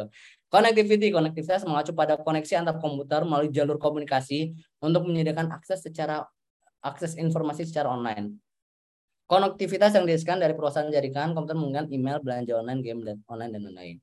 Kemudian interaktiviti, interaktivitas mengacu pada komunikasi dua arah, ya kan pengguna dapat menanggap di informasi yang dia terima dan memodifikasi apa yang dilakukan komputer. Artinya terjadi pertukaran informasi atau dialog antar pengguna dan komputer, lalu komputer merespon permintaan pengguna. Saat ini, sebagian besar perangkat lunak aplikasi bersifat interaktif dengan berbagai macam input perintah ibaratnya bahkan untuk yang masuk menggunakan web 2 gitu kan itu semuanya sudah uh, didesain untuk interaktif sehingga user itu bisa secara otomatis atau bisa secara aktif gitu melakukan interaksi dengan sistem atau aplikasi tersebut. Kemudian multimedia seperti yang tadi disebutkan, multimedia mengacu pada teknologi menjadikan informasi di lebih dari satu media perkembangan World Wide Web atau Triple W memperluas internet dengan masuknya ragam media. Sistem IT ya telah beralih dari perangkat pribadi standalone ke jaringan yang lebih luas, perangkat yang lebih kecil serta penggunaan penyimpanan online yang lebih besar. Jika kalian mengikuti juga cloud uh, webinar terkait cloud computing, bagaimana cloud sebuah teknologi cloud itu bisa meleverage bisnis kalian gitu kan. Gimana kita bisa men-scale up, men-scale down semua resource yang kita butuhkan, bisa membuat aplikasi serverless gitu kan. Kita tidak usah lagi berpikir untuk membuat atau menyewa uh, ruangan server gitu kan, memaintain dan sebagainya. Kita bisa memanfaatkan cloud computing khususnya untuk ketika kita butuh proses uh, apa namanya scale up scale down yang cepat gitu kan kita butuh oke okay, uh, apa jam sekian sampai jam sekian kita scale up kemudian kita scale down sehingga kita bisa lebih efisien dan efektif dalam menggunakan resource pada uh, usaha kita gitu kan konvergensi antara komputer dan komunikasi menghasilkan produk elektronik yang dapat melakukan banyak fungsi seperti TV dengan akses internet, ponsel dan juga kamera digital dan menunjuk jalan dan lain-lain. Portability. Dulu portabilitas berarti menukar dekomputasi dengan kenyamanan dengan ukuran dan bobot yang kecil. Ini perangkat sudah semakin kecil, semakin cepat kinerja dan semakin terjangkau sehingga mudah dibawa ke mana pun. Nah, ini bisa dilihat ya, di mana prosesor sekarang ya, para arsitektur-arsitektur dari infrastruktur teknologi teknologi informasi itu berlomba-lomba untuk membuat sebuah komputer yang kecil tetapi sangat powerful gitu kan. Semakin kecil semakin efisien gitu kan.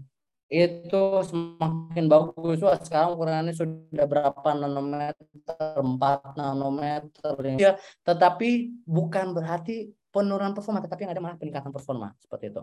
Kemudian personalization memuatan informasi disesuaikan dengan preferensi pribadi, misalnya program secara otomatis akan mengisikan berita dan informasi terbaru dan internet hanya untuk topik yang tadi ditentukan.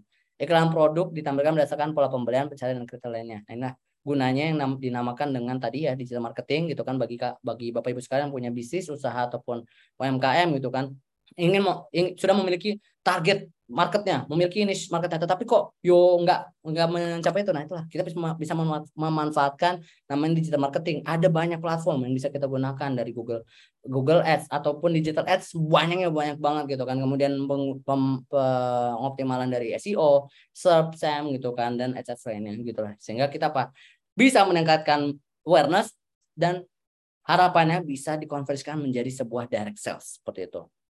Collaboration. Nah, kolaborasi secara massal menggunakan teknologi, teknologi memudahkan berbagi apa pun secara instan. Nontonnya file sharing, ensiklopedia yang diupdate kelompok uh, kontributor, wiki, layanan sosial, citizen journalism dan sebagainya. Bahkan untuk pembuatan atau developing dari application ya itu sudah ada yang namanya Git gitu kan. Nah, itu kita sangat-sangat bisa untuk kolaborasi gitu kan, kolaborasi kerjaan, Canva sekarang ekspresi dan sebagainya kita uh, bisa memaksimalkan Microsoft Teams banyak banget platform platform yang memanfaatkan teknologi informasi untuk kebutuhan dari collaboration ini. Nah, kemudian how technology impact on business side. Nah, dari tadi kan mungkin dari personal ya kan sebetulnya. Nah, ini juga banyak ya bagi lagi karena saya dari Rana dosen, banyak banget sudah penelitian, jurnal, paper gitu kan yang menunjukkan bahwa teknologi ini tuh memberikan uh, positif impact gitu kan, memberikan dampak yang positif untuk apa performa dari perusahaan gitu kan. Ada yang uh, ini yang dibuat oleh si Guta gitu kan catatannya udah pren nama si Gupta. Ya kan, examining the impact of cloud ERP on sustainable performance a dynamic capability view.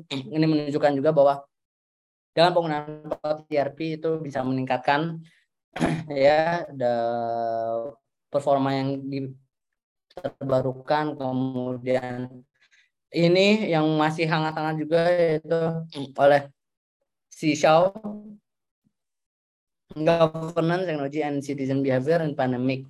Ya, uh, khususnya di COVID-19 ini bagaimana teknologi ini juga memberikan dampak yang positif gitu kan bagaimana kita bisa melakukan pivoting uh, agar kita tetap survive. Nah, ini dengan sasaran dengan pemanfaatan dari teknologi kemudian ada leveraging organizational performance via knowledge management system platforms in emerging economics. Dan yang terakhir ini adalah jurnal saya gitu kan, yaitu dampak adopsi TI terhadap kinerja perusahaan multinasional seperti itu. Oke, mungkin itu saja dari presentasi saya. Selanjutnya adalah masuk kepada uh, Q&A session. Untuk yang ingin memberikan pertanyaan bisa present atau tuliskan pada kolom chat.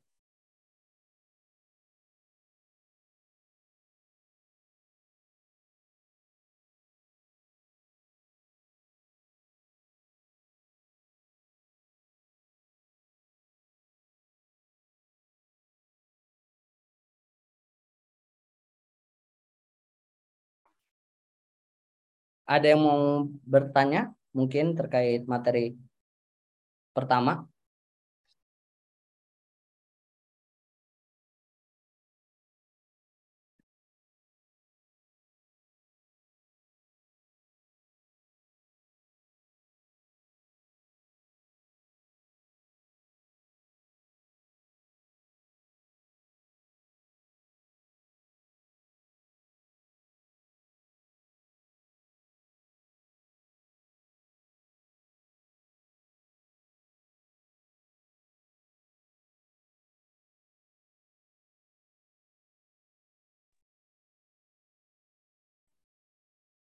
Baik, kalau misalnya memang tidak ada pertanyaan, kita langsung lanjut saja ke pembicara kedua, yaitu Pak Luis Sudarso. Kebetulan beliau sudah hadir di uh, Zoom kali ini.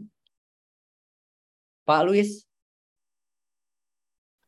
Halo, halo. Bisa mendengar suara oh. saya ya?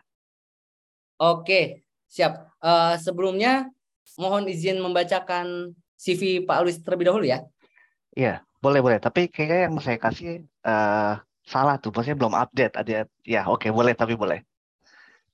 Oke oke. Oh itu ada yang raise hand tuh Pak, katanya ada pertanyaan kayaknya. Oh. Oh iya benar. Um, Mbak Yulina ya. Mbak Yulina dipersilahkan.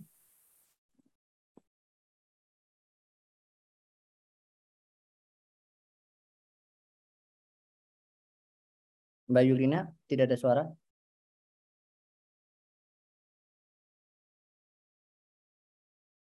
Halo, halo.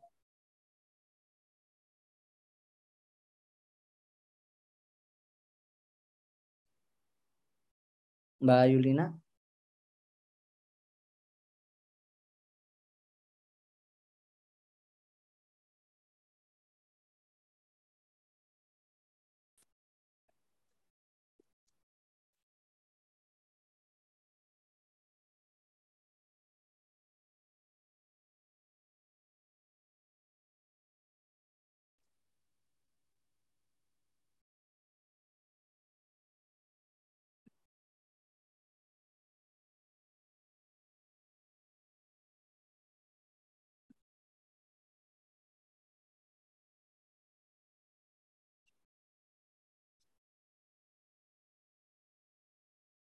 Mbak Yulina nggak ada suara.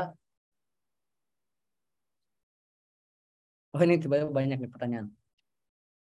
Mbak Yulina, Mbak Yulina. Oh ya mungkin bisa dituliskan Mbak Yulina ya di chat.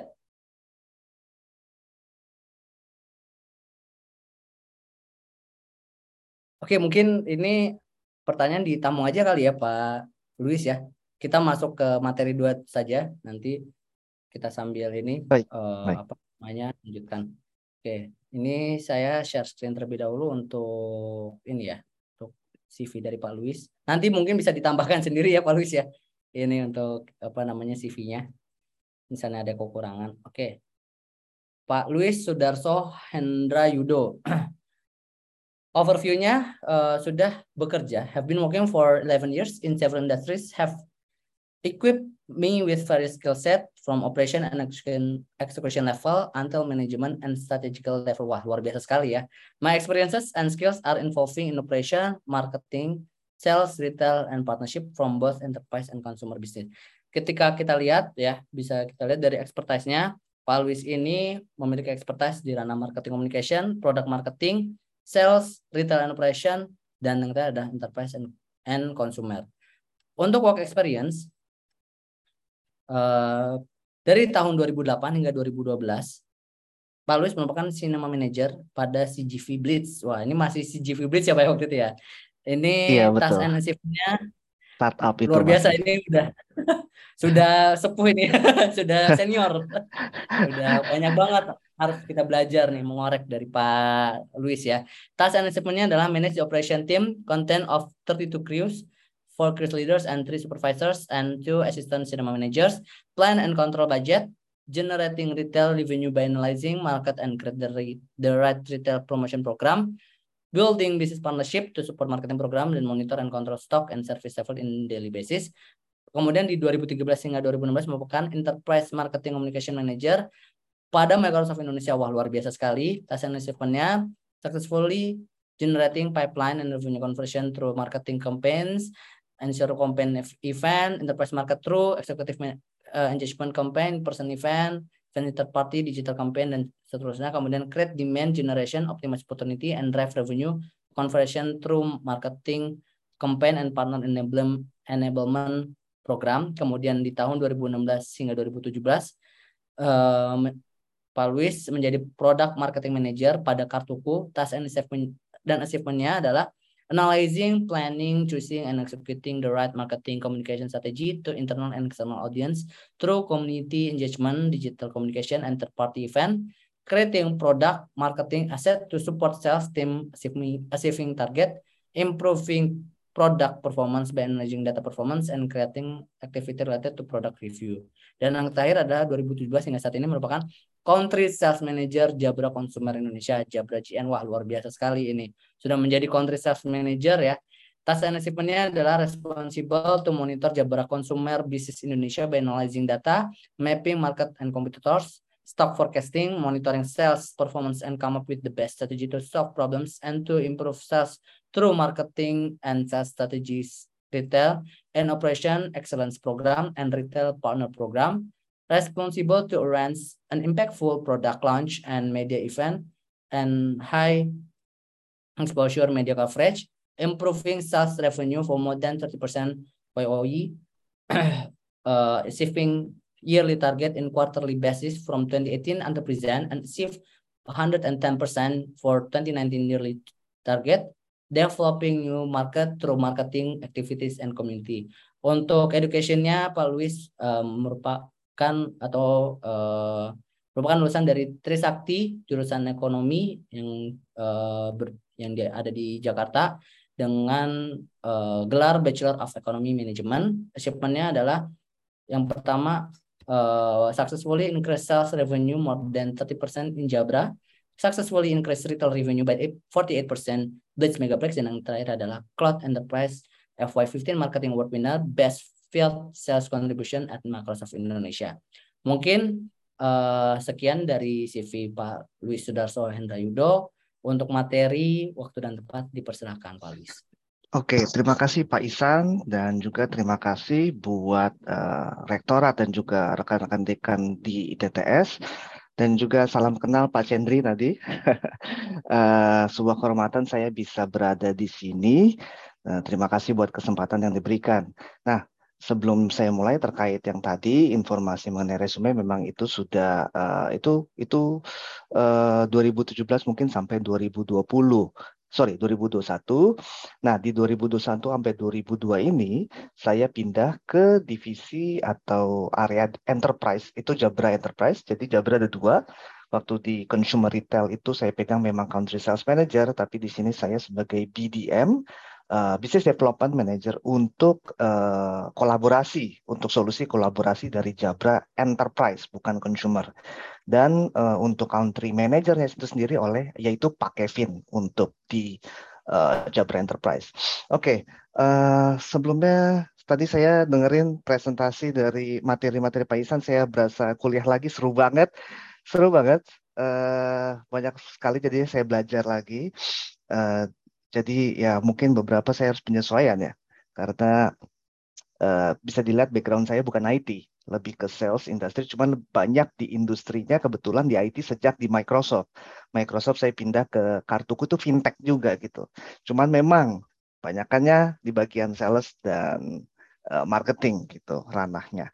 Oke, saya coba sharing sedikit ya kalau saya boleh uh, coba saya uh, sebentar ya yang saya akan sampaikan di sini sifatnya lebih lebih apa ya? Lebih lebih lebih simple karena uh, solusinya saya mau mau mau sharing tentang sesuatu solusi yang sangat apa adanya sebenarnya, enggak yang very sophisticated like Microsoft atau AWS atau apa pun atau apalagi yang di belakang itu. Ini ini lebih ke teknologi manufacturingnya dari sisi hardware-nya.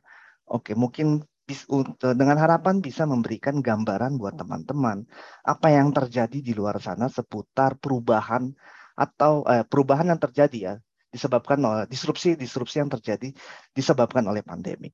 Oke dan juga yang sebenarnya sudah direncanakan dari 2000 lama banget 2010 oleh uh, apa company-company raksasanya tech seperti Microsoft.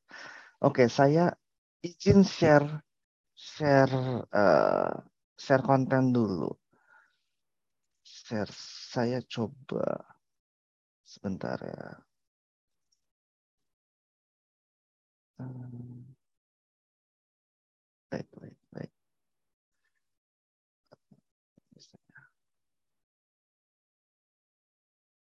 Saya buka dulu materi saya.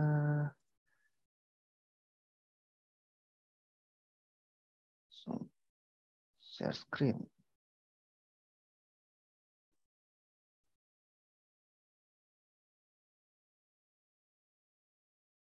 Share sound. Oke, sudah bisa dilihat? Mungkin apakah materi saya sudah muncul? Sudah, Pak. Oke, terima kasih. Oke, jadi ini saya bilang, uh, saya sebut, kami sebut sebagai collaboration atau teknologi for life new rhythm. Kenapa saya sebut teknologi for life new rhythm? Ritme kerja kita itu uh, sudah terdisrupsi besar sekali hanya dalam waktu dua tahun kemarin atau mungkin tiga tahun ya dari 2020 disebabkan oleh pandemik yang sebenarnya sudah direncanakan dari awal sekali itu sudah dibicarakan oleh Microsoft dan uh, Google atau AWS gitu ya tentang modern modern work style gitu. Flexible work flexible work style mobile semua uh, mobile worker gitu. Sebenarnya udah lama banget cuman Oke, nanti kita akan lihat deh. Sebelumnya uh, kita kenalan dulu dengan kalau boleh saya memperkenalkan dulu dengan Jabra. Mungkin teman-teman belum tahu atau masih banyak yang belum familiar, kami sadari itu, yaitu mengenai Jabra itu sendiri. Oke, jadi Jabra itu sendiri company yang berbasis di Denmark. Bukan, bukan, ya oke, okay, Denmark lah. Dia European atau Danish company. Mungkin kalau teman-teman tahu, Denmark itu memang yang sering banget ngeluarin uh, eh, IT, teknologi dan segala macam tuh asalnya dari sana. Itu bagian dari GN Group namanya. Dan umurnya udah 150 tahun. Perjalanannya itu bisa dilihat dari tahun 1869. Itu uh, ke 1872 itu masa-masanya narik kabel telegram dan GN Group ini yang menarik tarik uh, pertama telegram pertama itu itu sampai ke Asia. Waktu itu masih ke Shanghai kalau nggak salah. Dan sampai sekarang mereka tetap kami, sorry, kami tetap fokus pada uh, jalur kami yaitu komunikasi for productivity, which is tadi uh, tersinggung juga tuh oleh Pak oleh Pak ini ya sebelum di materi sebelumnya itu oleh Pak Isan itu mengenai bagaimana tujuan utama teknologi untuk percepat dan meningkatkan produktivitas betul ya. Nah, yang kami punya di sini untuk itu. Kemudian berubah menjadi suara. Komunikasi dari yang kabel telegram berubah menjadi suara. Itu mengarah ke uh, noise cancelling dan segala macamnya mulai berkutat ke sana. Kemudian suaranya berubah lagi menjadi wireless. Lalu kemudian kita punya lagi masuk ke pendengaran, yaitu alat bantu pendengaran dan terus terus terus sampai kita ngelihat evolusinya sampai saat ini itu itu masuk di video dan bagaimana teman-teman di sini bisa merasakan pentingnya video untuk engagement. Kenapa? Mungkin belum semua, tapi karena pada akhirnya nanti kita akan lihat ke depannya, itu interaksi akan lebih banyak terjadi melalui online dan yang untuk memberikan engagement lebih kuat yaitu tatap muka memang. Yaitu, tapi tatap muka secara online. Suara sendiri akan dirasakan tidak akan cukup punya engagement yang kuat. Oke ya kita langsung masuk lagi. Lalu kita lanjut. Jadi kami ini sekarang ada di bagian medical grade. Ini ekspertisnya Jabra ini. Jadi medical grade kemudian professional grade dan juga consumer grade yang masing-masing punya value sendiri-sendiri. Value ini yang kami uh, berikan dan kami campur lah, kami cross satu sama lain sehingga memberikan solusi yang terbaik dan uh, nomor satu yang saya percaya nomor satu saat ini di industri kami. Kami adalah bisa dibilang market leader untuk suara dan komunikasi itu. Oke, dan di sini area kami expertise kami ada di area profesional, collaboration, masuk ke call center, consumer, hearing, alat bantu pendengaran, dan juga yang di industri atau manufacture yang yang yang yang sangat highly noise gitu. Jadi kalau bisa dilihat fungsi kami tetap pada satu yaitu memberikan solusi untuk productivity. Apakah kami aksesoris lifestyle?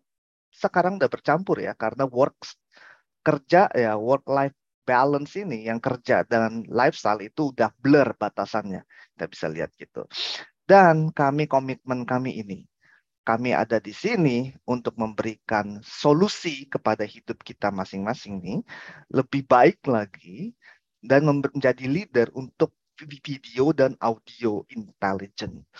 So, yap, tujuan kami adalah supaya pemakainya itu bisa hear more, do more, and be more. Itu adalah uh, tagline kami gitu. Jadi kami bikin ini, we engineer to fit the purpose bukan cuma sekedar untuk lucu-lucuan gitu. Jadi ini ini very related nanti dengan IT. Nah, produk kami seputar apa? Ini kolaborasi. Ini produk kolaborasi Panakes, yaitu video kami.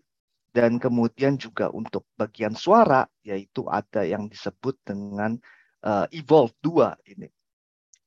Oke, terlihat biasa ya, kamera. Itu biasa. Video biasa atau head to headset biasa. Oke, kita akan kita akan masuk nih pelan-pelan. Kenapa sebenarnya ini jadinya solusi akhirnya nih, apalagi untuk uh, zaman sekarang setelah terjadi perubahan besar-besaran, solusi yang namanya solusi itu untuk menyelesaikan masalah. Tentu ya, teman-teman udah pada setuju. Cuman masalah apa yang ada di sana? Itu yang akhirnya tidak bisa diselesaikan oleh barang-barang biasa atau barang-barang lama dan direlatekan dengan IT tentunya solusi IT yaitu unified communication. Nah, profession dengan semua solusi kami itu kami adalah professional choice for hybrid working. Oke. Okay? Nah, kami lanjut deh. Nah, ini kami sudah bekerja sama working very closely dengan Microsoft dan tentunya juga leading platform UC atau Unified Communication seperti Teams, Zoom, uh, Google, you name it. Mau Cisco, Webex, dan Blue Jeans sampai apa pun kami bekerja sama. Cuman kita memang sangat dekat dan kita adalah bisa dibilang kami salah satu partner yang memang dipilih yang digadang-gadang nih dibawa-bawa oleh Microsoft karena Microsoft dari sisi softwarenya dan kami dari sisi hardwarenya itu. Oke, okay. life new rhythm ritme baru kerja. Apa sih yang terjadi di luar sana? Sini yang kita mau coba saling diskusi atau share apa yang sebenarnya Jabra sudah survei dan apa yang kami temukan. Mudah-mudahan align dengan teman-teman Bapak Ibu yang ada di sini ya, gitu, dengan yang sudah diketahui. Oke, kita lihat dulu apa yang terjadi.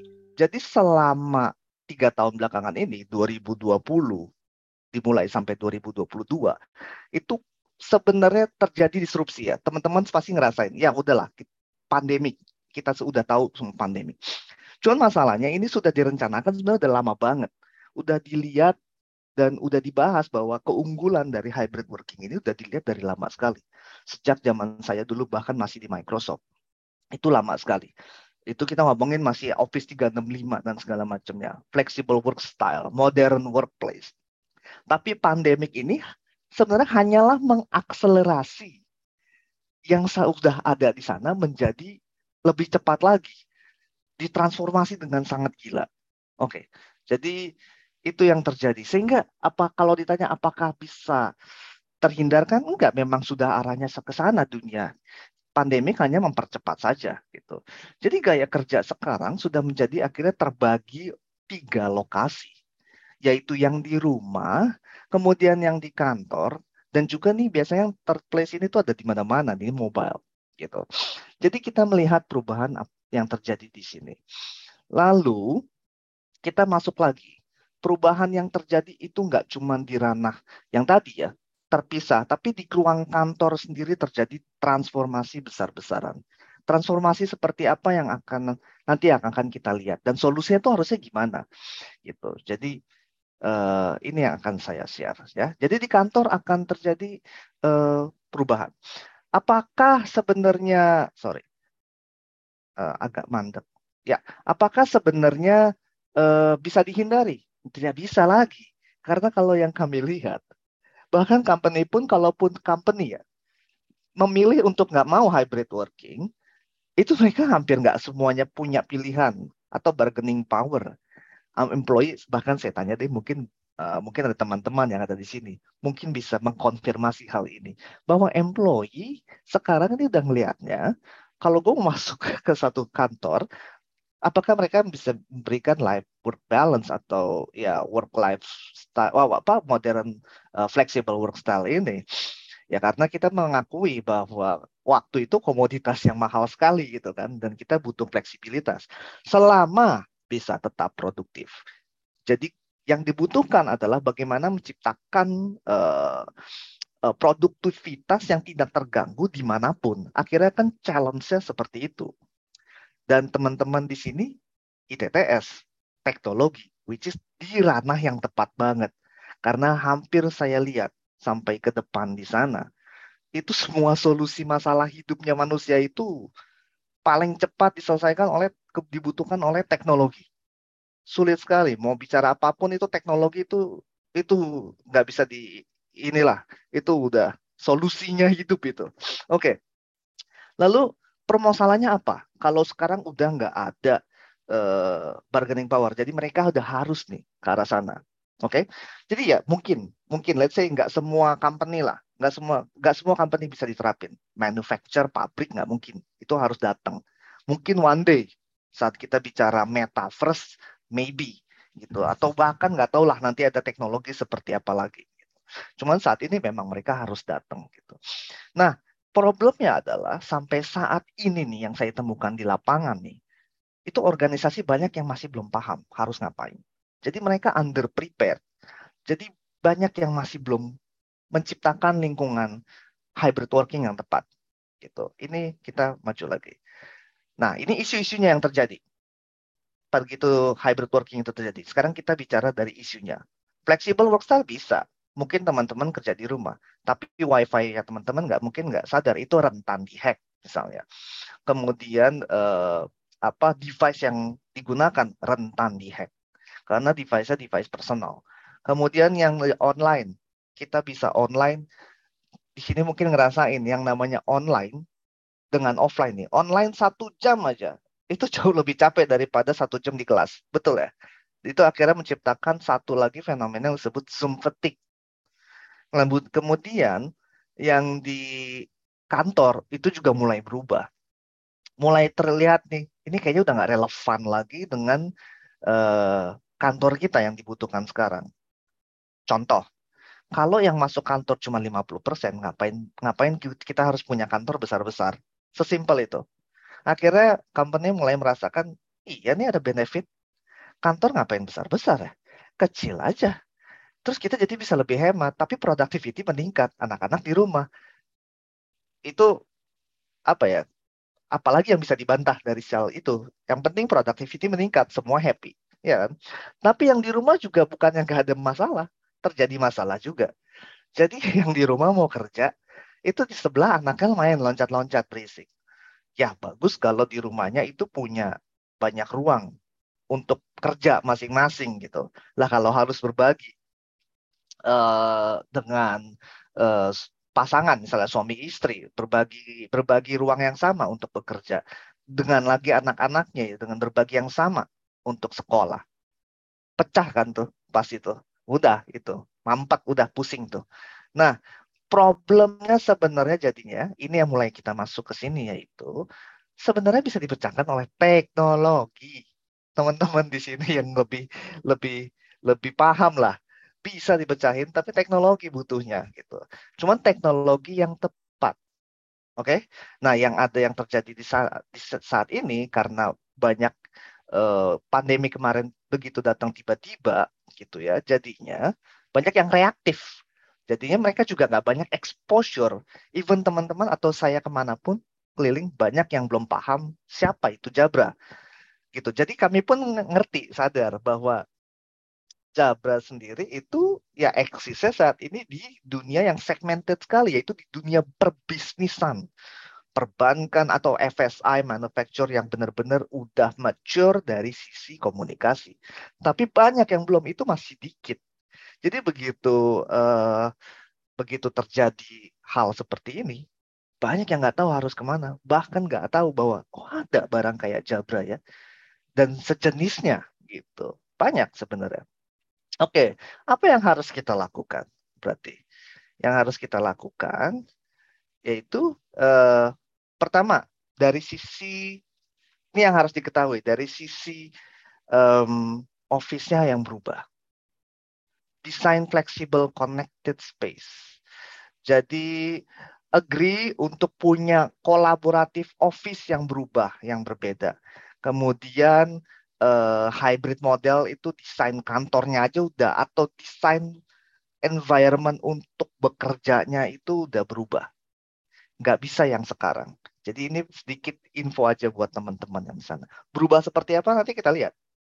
Teknologi itu yang tadi ya, desain office atau environment kerjanya atau belajarnya. Kalau kita bisa bilang juga. Ini berlaku juga soalnya di edukasi. Lalu teknologinya. Jadi dua itu yang saat ini paling apa ya? low hanging fruit lah yang bisa kita kita gapai untuk merubah, untuk menciptakan suasana yang lebih produktif. Oke, sekarang kita lihat dari desain office-nya seperti apa yang harus berubah. Jadi satu, ada sound protected quiet space yang fokus. Jadi ada satu tempat nih, uh, apa ya, quiet space lah. Terus yang kedua, meeting room yang di-equip dengan video conference. Udah nggak bisa lagi tanpa video conference. Kemudian flexible access juga ke meja itu lebih ke open space atau open office dan juga uh, ruang meeting apa one person room ini kayak phone uh, phone booth phone booth ya kita bilang oke okay. kalau saya bisa bagi seperti ini yang terjadi ini perubahan di kantor oke okay? hot desking neighborhood yaitu open office mungkin teman-teman tahu bahkan banyak yang kerjanya juga di uh, meja-meja coworking space which is itu kan tabrakan ya dengan kantor-kantor lain satu sama lain. Kemudian juga ada uh, tempat yang bisa uh, fokus, bukan tempat. Oke, okay, saya bilang yang di bawah itu kita bisa bilang nggak harus tempat, tapi quiet focus space. Intinya bisa jadi ada di tempat yang ramai, tapi tapi Anda bisa tetap quiet focus. Syaratnya teknologinya harus benar, gitu nanti teman-teman nih bagian it, apa ITTS nanti yang lanjutin untuk apa bikin inovasi-inovasi teknologi ya. Mungkin bisa memberikan inspirasi untuk area ini. Nah, kemudian ada ruangan yang di-equip dengan meeting room. Dan ke, yang terakhir kita bagi jadi ada yang untuk uh, phone booth lah atau one person virtual breakout rooms. Seperti apa kalau kita gambar? Ini saya ngambil gambar dari Zoom. Saya minjem dari Zoom. Ini Zoom. Zoom kalau ngebagi ruangan seperti ini dibaginya. Jadi ada yang round workspace, entering workspace, within room. Jadi bisa dilihat office-nya terbuka lebar begitu, semua orang bisa campur aduk, duduk mana aja. Kemudian ada ruang meeting uh, yang sedikit sedang dan ada ruang meeting yang kecil. Dan nomor tiga ada phone booth-nya. Jadi seperti itu. Yang di tengah ada meja bulat berkolaborasi. Ini gila. Jadi this is the new life rhythm gitu. Ritme kerja kantor yang baru udah semakin kolaborasi, nggak ada batas, nggak ada kubikel, nggak ada apa pun. Semua bisa bebas berkolaborasi, akses ke mana pun. Gitu. Kita masuk jadinya. Ruang meeting sendiri gimana berubahnya? Nah, ini yang saya mau cerita. Ini perubahan yang terjadi lagi. Ruang meetingnya pun berubah, teman-teman. Ini tradisional meeting room.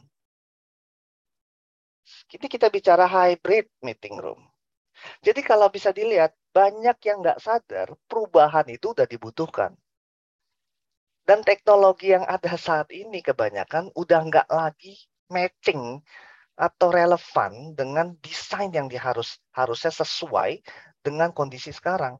Kita lihat nih, traditional meeting room itu arahnya kalau bicara seperti itu di tengah. Akhirnya yang di belakang kalau duduk tidak akan sama terlihat seperti orang yang duduk di depan.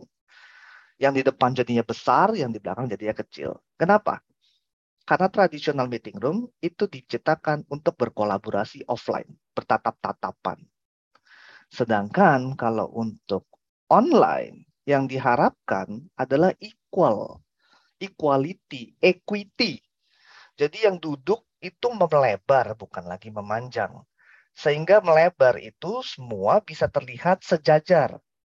Akhirnya nanti nih masuknya cocoknya lagi dimasukin lagi oleh si Microsoft Teams mengenai immersive apa ya uh, experience untuk online secara tatap muka. Kita akan lihat perbedaannya nanti.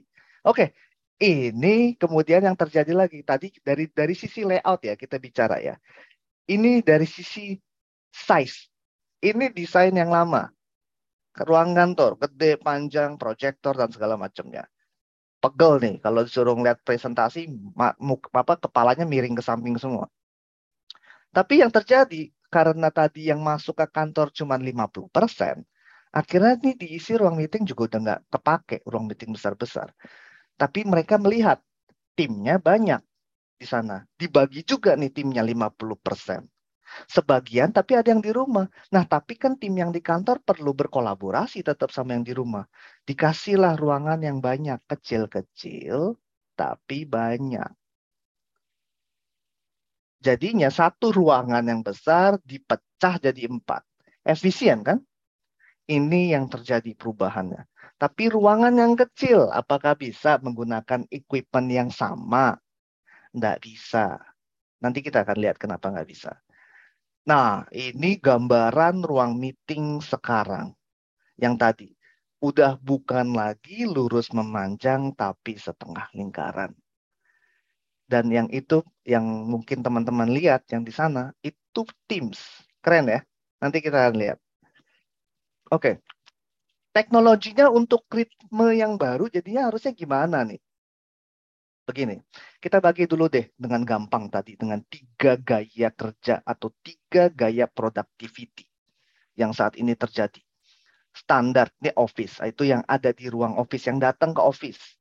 Kemudian yang di rumah dan juga yang mobile lah, yang mau meeting di mana aja tapi tetap mau berkolaborasi. Ini adalah solusinya kami yang kami punya. Ini hanya sebagai contoh aja ini solusi yang kami berikan yaitu Panacast, video conferencing. Tapi kita reinvented. Dengan cara apa? Kita lihat. Bukan cuma kamera biasa. Kami punya satu-satunya kamera yang punya daya tangkap 180 derajat. Sehingga memberikan uh, daya tangkap yang di atas ini lebar. Jadi kalau teman-teman lihat semua di sini, ini bukan lagi layout memanjang, tapi melebar. Cuman problemnya, kalau pakai kamera biasa, yang terlihat cuman di bawah, tiga orang. Makanya dibutuhkan teknologi lain untuk bisa mengcover teknologi saling mendukung teknologi satunya. Dalam hal ini, teknologi uh, online meeting, on unified komunikasi seperti Zoom dan Teams membutuhkan teknologi hardware kamera yang pas, yaitu Jabra yang bisa dibikin melebar. Jadi kalau dilihat kalau dibikin melebar seperti ini, semuanya sama rata duduknya. Terlihat semua sama rata. Nggak memanjang di belakang, akhirnya yang di belakang lebih kecil. Seperti itu jadinya. Dan semuanya masuk ke cover dari tembok ke tembok. Kita lihat lagi. Ini seperti ini yang kita lihat. Ruang meeting yang ditempel dengan tembok apa uh, mejanya langsung ditempel ke tembok langsung. Yang bisa dilihat nih kuning ini adalah area yang tercover oleh teknologinya kami, yaitu Panakes tadi. Dari tembok ke tembok semuanya masuk. Nggak cuma itu, kami sebenarnya punya yang lain teknologinya. Cuman saya nggak mau heavy ke teknologi di sini. Kita mau bicara yang practical uh, solution practical lah, gitu best practice-nya. Yang di bawah lebih kecil lagi, ruang meeting yang lebih kecil begini bulat nempel semua seperti ini. Semuanya masuk. Kurang. Ini ada yang lebih keren lagi. Kita lihat lagi. Nah, akhirnya ruang meeting ini nyatanya. Ini contoh nyatanya. Ini ruang meeting kiri ini Zoom. Lihat dibikin seperti ini. Udah nggak relevan lagi yang memanjang. Lalu ini yang nyata nih kanan nih. Ruang meetingnya lihat tuh. Benar yang saya bilang nggak nggak bohong. Ini nempel tembok semua udah gitu dengan layar ini karena paling efisien layoutnya. Hanya Jabra yang bisa. Kenapa? Coba lihat ini di bawah. Ini ruang meeting yang di bawah ini, yang paling kecil kanan di bawah ini, itu menggunakan masih menggunakan teknologi yang lama. Ini kameranya cuma satu. Ini bukan Jabra. Hasilnya apa? Yang duduk di paling pinggir tembok ini nggak akan masuk. Kembali saya tanya, apakah teknologinya yang dulu relevan? Enggak. Akhirnya mereka menggunakan teknologi yang nggak pas. Betul kan problemnya bahwa berapa puluh tadi itu, berapa persen, itu 80 persen.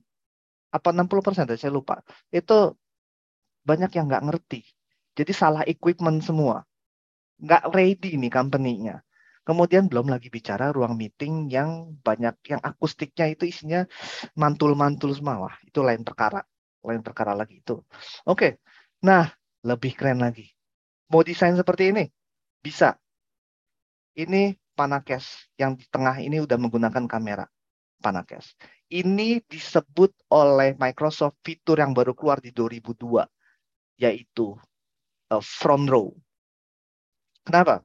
Nanti kita lihat ya uh, Microsoft bikin Teams-nya dibikin jadi seperti ini karena ada maksud supaya orang yang kerja online itu mendapatkan experience maksimal layaknya bagaikan datang ada di ruang kantor. Jadi kalau bisa lihat nih, size muka orangnya satu-satu gede begini. Dan ditaruh di eye level. Harus eye level. Supaya kita melihatnya benar-benar kayak lagi berhadapan dan di atasnya ini baru materinya. Dan bisa dilihat nih bentuk ruangannya unik, udah kayak gini. Makanya yang dibutuhkan solusinya Jabra. Di sini kami hadir untuk bisa uh, berpartner dengan Microsoft Teams. Mau lihat yang lebih keren lagi? Ini. Ini Microsoft Enhanced Microsoft Teams Room. Jadi bisa dilihat, ini nih masing-masing mukanya gede-gede banget. Gitu. Jadi akhirnya apa? Yang di sana terlihat melihat yang ada di dalam ruangan itu equal sama. Ini teknologi yang menyelesaikan. Jadi dengan kamera kami yang tadi 180 derajat. Oke. Apakah ini uh, rendering nih digital belum nyata? Mau lihat nyatanya? Ini nyatanya. Ini sudah terjadi, tapi masih di luar sana dan akan segera terjadi kemari. Karena kita udah punya teknologinya, Teamsnya sudah ada, kemudian panakesnya atau kameranya sudah ada. Udah tinggal ini udah tinggal di deploy. Yang belum adalah kondisi ruangannya aja yang masih pakai gaya lama. Banyak yang belum siap. Oke ya. Lanjut ya. So this is a small Oke, okay. ini saya kasih lihat sedikit ini video, sorry, uh, video dari uh, orang Microsoft pusat, biar kita mungkin bisa sama-sama dengar.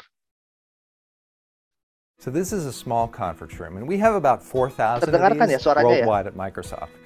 They all look kind of the same. You've got a screen on the mhm. far wall, table in the center, six or seven seats around the table, and everyone's facing each other.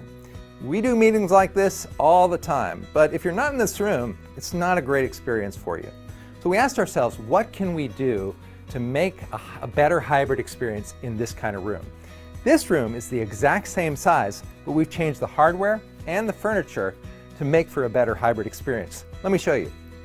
So we took the, the table and moved it against the wall and changed the shape so that the people in the room are seated around it facing the remote attendees. It's like one big circle of remote and in-person people. Content is on the wall, bright, front and center, and much wider. Uh, the camera can see everyone sitting around the table. So you've got that same great hybrid experience. Oke, itu saya singkat aja, saya potong karena memang intinya dia berbicara bahwa itu yang kemak tadi itu ruangan yang lama. Dan untuk orang-orang yang di online, uh, atau yang di seberang sana yang nggak hadir di ruangan itu nggak merasakan apa uh, pengalaman yang menyenangkan gitu. Lalu dia rubah dengan kondisi ruangan exactly size-nya sama. Tapi bisa dapat ruangan yang spesial lebih besar.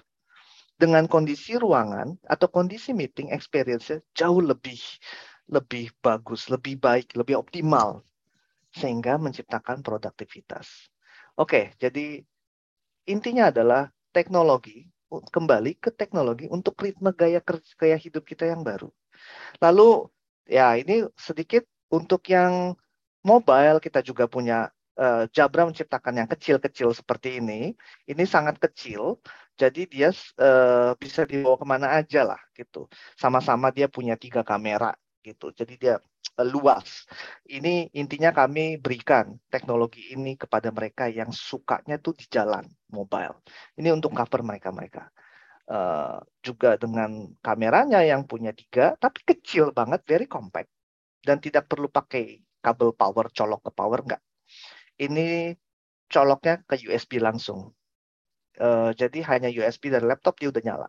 Jadi memang dipikirkan se-thoughtful itu gitu loh. Dipikirkannya untuk mobile. Oke, okay. lalu lalu yang kerja di rumah sendiri bagaimana? Berubahnya seperti apa? Ya tadi solusinya kan banyak yang berisik lah, banyak yang capek online. So kami punya yang personal kamera seperti ini. Jadi kalau bisa bisa dilihat, uh, mungkin kalau misalnya eh, teman-teman lihat ini mungkin kayak kamera biasa ya. Cuman mungkin ini kita nggak sebut webcam. Mungkin ini apa solusinya? This is a smart video. Jadi dia udah 4K dan segala macam. Tapi yang paling menarik saudara solusinya dia itu adalah dia bisa ngikutin ke mana pun kita bergerak. Ini solusi ini diberikan diberikan untuk mereka yang capek kerjanya itu harus duduk terus.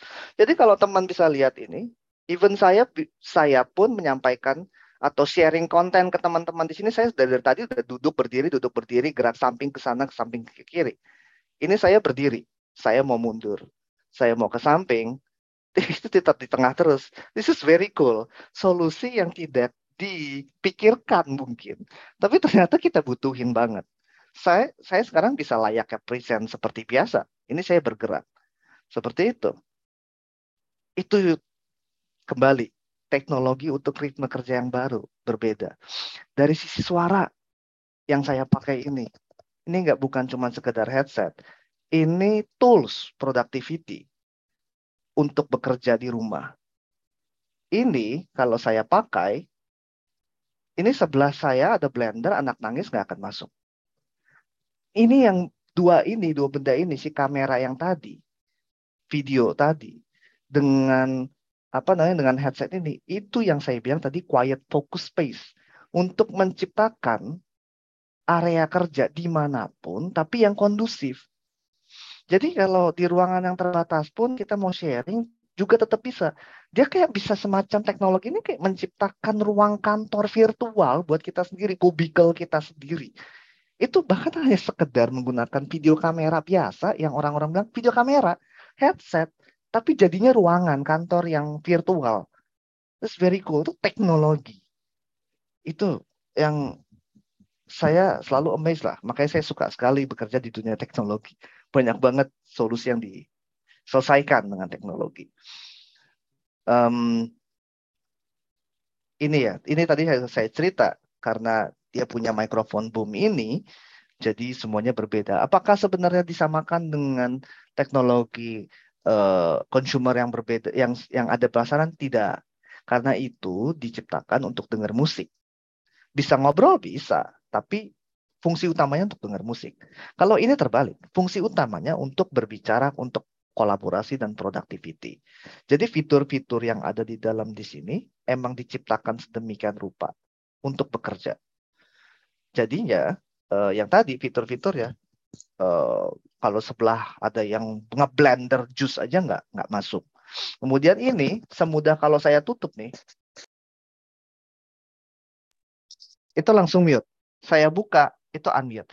Jadi sebenarnya saya bahkan bisa bekerja secara jauh tanpa saya takut uh, suaranya bocor. Saya bisa sambil cuci piring kalau saya mau ini gitu dan suaranya nggak akan masuk atau saya takut saya tutup aja itu mute tapi kalau saya dipanggil saya sambil tutup lagi cuci piring pun saya bisa turunin mikrofon saya dan ini jadi unmute. Tanpa saya harus lari-lari ke depan layar kemudian cari tombol unmute supaya saya bisa menjawab. Semudah itu. Teknologi for life new rhythm. Gitu. kita lihat ya. Uh, biar saya nggak dibilang bohong se ekstrim apa. Ini ada saya ambil potongan video dari youtuber luar yang ngetes uh, headset kami ini, headset yang saya pakai.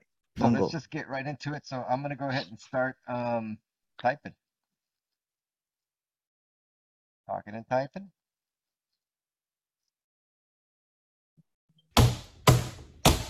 All right, so there's that. Now let's just do the old. Oke, suara suara typing keyboard nggak masuk ya. All right, so here we are. Of course, there's nobody talking. Suara TV. All right, so let's just crank it up. All right, that's extremely loud. This is the Jabra Evolve. Monitoring up in Michigan and Ann Arbor, there's been an outbreak. Federal health experts That is so loud. Oh my goodness. All right, so now let's just get into the blender and you know, someone suggested that I put stuff in the blender so that you know that it's actually on. So Okay, ini pakai that blender camera nih, or that So that's what I did. And I got it cranked up all the way. So let's take a look and see what happens here. Here we go. So test, test. Test, test, two. This is a test of the Jabra Evolve 275 versus a, uh, blender over. Let's Oke, gokil ya. Jadi saya bilang that's technology. Itu jadi bisa diselesaikan masalah itu kalau di sebelah ada yang ibaratnya kita mau kerja, tapi sebelah mungkin eh, anak yang menonton TV pun saya nggak takut. Jadi kenapa ini bisa terjadi? Dimungkinkan seperti ini, ya kemajuan teknologi. eh, Masing-masing di kita eh, solusi kami itu ada chipsetnya, jadi nggak sesederhana itu dibandingkan dengan barang consumer atau retail pada umumnya. Karena kami punya chipsetnya dan kami benamkan artificial intelligence di sana. Jadi yang tadi akhirnya artificial intelligence ini yang memungkinkan si kamera bisa mengenali wajah, si kamera bisa menghitung jumlah orang, dan kemudian si chipsetnya juga bisa mengenali background noise, bisa membedakan mana suara yang kita, kita suara kami, suara kita ini yang ngomong dengan suara background, dan dia redam suara background di belakangnya. Semua itu adalah teknologi. Oke, dan kami bekerja dekat sekali dan ini salah satu yang paling penting makanya kami bekerja sangat dekat dengan dengan Teams dan juga dengan Zoom. Ini nggak cuma sekedar dekat dalam artian dekat, dalam artian seperti ini. Melalui 240 jam lebih testing oleh Microsoft hanya untuk memenuhi standar yang dibutuhkan atau diinginkan oleh Microsoft untuk seamless communication. Sehingga komunikasinya eh, sesuai standar. Jadi udah dipastikan kami itu sangat kompatibel dengan IT, Microsoft Teams dan juga Zoom. Oke, kurang lebih sekian.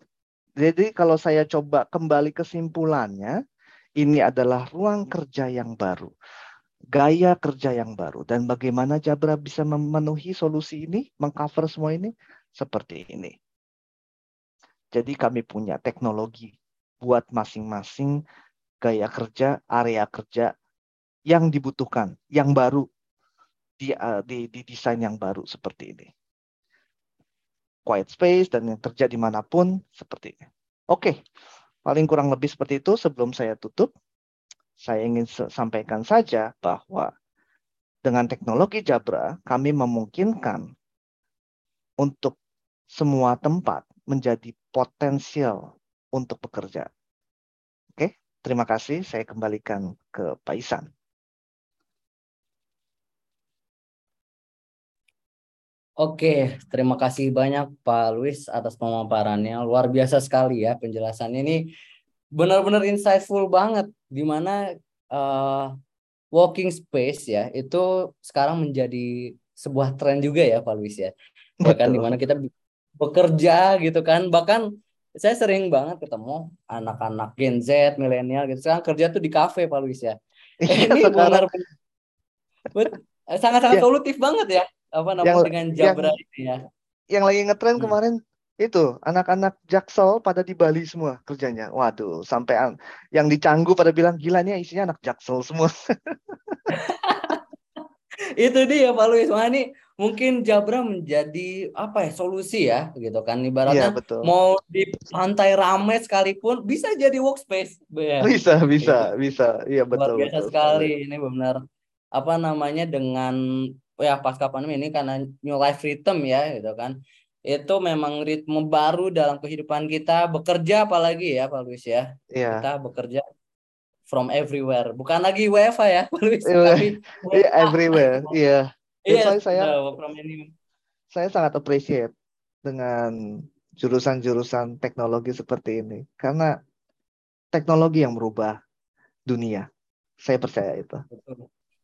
Betul luar biasa sekali ini memang pemaparannya Pak Luis ya dan ini bisa menjadi apa namanya solusi ya untuk Bapak Ibu sekalian gitu yang eh, bekerja di industri ataupun pemerintahan ya mungkin ya itu ingin menerapkan WFA, WFA gitu kan dan memiliki eh, apa namanya keterbatasan atau boundaries dari lingkungan yang tidak memadai ini Jabra menjadikan solusi apalagi tadi saya agak cukup mes Pak Luis ketika dikatasin langsung auto mute itu kayak luar biasa Betul. ya Betul, Jadi- betul. luar biasa sekali ini dari pemaparannya dan mungkin apalagi TTS kan sekarang menerapkan hybrid ya Pak Luis ya Oh, oke. ini itu barangkali kita bisa kolaborasi ya Luis Boleh, boleh, Ya. Pak. Boleh, Pak. Nanti bersama Pak Kevin tentunya. Oke, siap ini nanti Pak Kevin bisa kita follow up lagi ya kerjasama gitu kan untuk bagaimana menyiapkan kelas-kelas di TTS biar lebih mumpuni lagi ya dengan teknologi-teknologi Jabra gitu kan. Sehingga Iya. dosen-dosen tuh lebih kayak wah, lebih advance lagi gitu kan dengan Iya, teknologi-teknologi betul. Jabra. Apalagi tadi saya ngelihat chipsetnya dengan sini sudah memanfaatkan banget dengan AI ya, noise cancelling dan sebagainya. Iya. Nanti yang tadi ada pertanyaan sebetulnya Pak Luis yang menarik ya. Boleh, boleh. Oke. Oke, kalau gitu ini kita masuk ya. Ini berhubung apa namanya untuk mempersingkat waktu, kita masuk ke eh, sesi tanya jawab ya, Pak Luis ya. Siap, siap.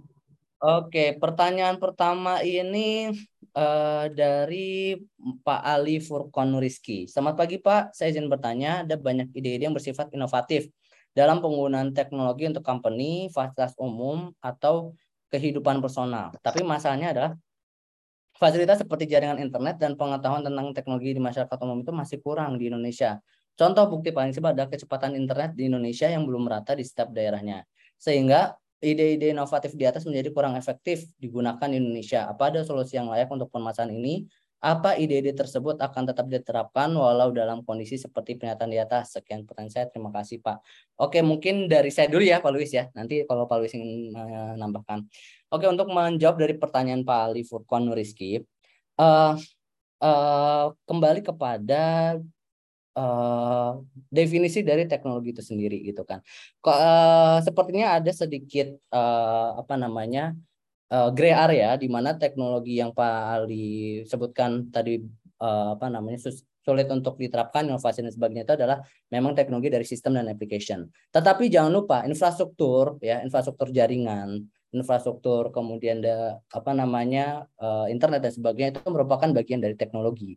Sehingga itu merupakan dua elemen yang sebetulnya eh, harus sejalan gitu kan.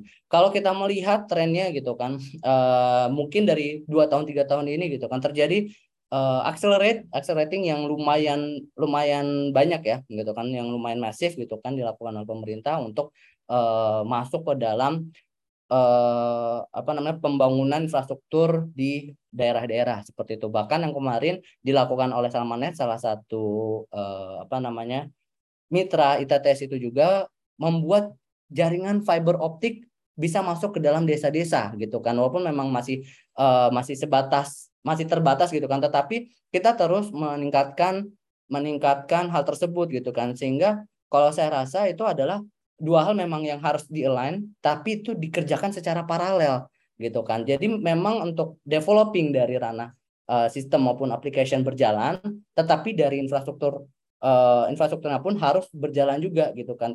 Tidak bisa saling menunggu karena ketika misalnya ternyata saling menunggu yang ada kita tidak akan berkembang seperti itu. Nah, untuk solusinya dari sistem atau aplikasi yang dikembangkan itu ada yang namanya SLA. Ketika kita memahami atau mempelajari terkait IT service management atau sebuah IT governance di mana di situ ada yang namanya service level agreement. Nah, pastinya di setiap uh, project yang dilakukan, setiap inovasi yang dilakukan itu memiliki SLA tersendiri. Ketika project tersebut tidak memiliki SLA, berarti itu tidak memiliki service management yang mumpuni. Di mana sebetulnya di situ sudah tertera gitu kan. Oke, aplikasi atau sistem ini akan ditempatkan di di sebuah daerah A. Daerah A itu memiliki sebuah infrastruktur atau teknologi sekian uh, ABC dan sebagainya gitu kan. Memiliki kecepatan bandwidth dan sebagainya. Nah, si pembuat aplikasi atau sistem informasi ini yang kemudian bisa menyesuaikan gitu loh dengan mengkompatibilitas mengkompatibilitaskan dari sistem atau aplikasi yang dibuat sehingga bisa berjalan di dalam atau di daerah tersebut. Nah, ketika pada kenyataannya prakteknya mungkin bisa ditemukan ya kalau aplikasi tersebut itu terkendala dari jaringan dan sebagainya. Nah, itulah pentingnya kita melakukan review dari SLA. Ketika kita membangun kita harus jelas banget, harus pasti banget gitu kan. SLA yang diterapkan seperti apa, SLA yang ingin diimplementasikan seperti apa sehingga tidak ada miss dan kemudian akhirnya inovasi tersebut menjadi inovasi yang mangkrak. Itulah pentingnya namanya IT investment gitu kan. Tetapi ketika kita melihat di uh, recent years gitu kan, itu pun uh, sudah mulai adanya uh, accelerating yang bagus gitu kan di mana aplikasi yang dibuat pun uh, memang sesuai dengan standar karena kita tidak bisa gitu kan sebetulnya ketika membuat aplikasi itu tuh menggunakan tagline sing penting jadi atau yang penting jadi itu nggak bisa gitu kan karena yang terpenting adalah bagaimana aplikasi atau sistem tersebut bisa digunakan semaksimal mungkin gitu kan. Jadi kita harus melihat infrastruktur di daerah tersebut gimana dan aplikasi yang akan kita buat itu kita harus menyesuaikan. Nah, ketika aplikasi tersebut sudah menyesuaikan dengan infrastruktur yang ada dan kemudian infrastruktur tersebut mengalami perkembangan, ya otomatis aplikasi ini sudah bisa digunakan lebih lancar lagi. Nah, kalau misalkan pun perlu diadakan upgrade gitu kan, nah itulah aplikasi tersebut itu harus yang di, apa namanya dilakukan maintenance atau yang namanya pembaharuan karena tidak hanya hardware yang memiliki masa usang tetapi aplikasi maupun perangkat lunak itu pun semuanya memiliki yang namanya masa usang gitu kan sehingga ketika dia sudah uh, waktunya untuk melakukan apa pembaharuan gitu kan pembaharuan firmware pembaharuan ABC dan sebagainya itu harus dilakukan sejalan dengan pembaharuan infrastruktur seperti itu Pak Ali Furkon. Semoga sudah menjawab atau mungkin ada pertanyaan lanjutannya dipersilahkan. Oke, kalau misalnya tidak ada, ini lanjut ke pertanyaan berikutnya dari Mas Rofik Yuwananto. Ini Mas Rofik luar biasa. Dia paling aktif ini, Pak untuk ikut webinar ITTS nih, Mas Rofik, luar biasa. Izin bertanya, untuk mengoptimalkan pemanfaatan teknologi informasi di instansi atau lembaga pemerintahan, di era penerapan SPBE, sistem pemerintahan berbasis elektronik apa yang harus dipersiapkan?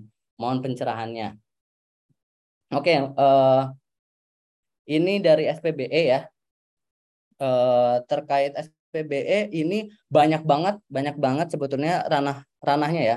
Bahkan eh, untuk peng, apa ya, untuk untuk penyediaan infrastruktur dan sebagainya itu juga harus dipersiapkan. Tetapi yang jelas pertama banget yang saya uh, ketahui adalah ketika kita masuk ke ranah SPB itu adalah kita harus memiliki strategic and planning yang jelas gitu kan. Kita harus memiliki yang namanya uh, yang namanya guidance gitu atau buku yang bisa dijadikan acuan untuk uh, strategic and planning. Jadi pertama banget itu adalah kita membuat planning dari SPB yang akan kita buat, kemudian baru kita apa namanya uh, baru masuk ke tahap development. Nah, development itu termasuk untuk penyediaan infrastruktur dan sebagainya seperti itu. Jadi kita harus dari SPBE atau penerapan atau implementasian dari smart city gitu kan. Itu tuh uh, bahkan sudah ada ya framework yang mengatur yaitu framework TOGAF gitu kan memang itu merupakan IT governance yang mengambil dari ranah uh, government ya gitu kan. Ketika misalnya COVID ataupun ITL itu mungkin di ranah uh, industri atau company gitu kan.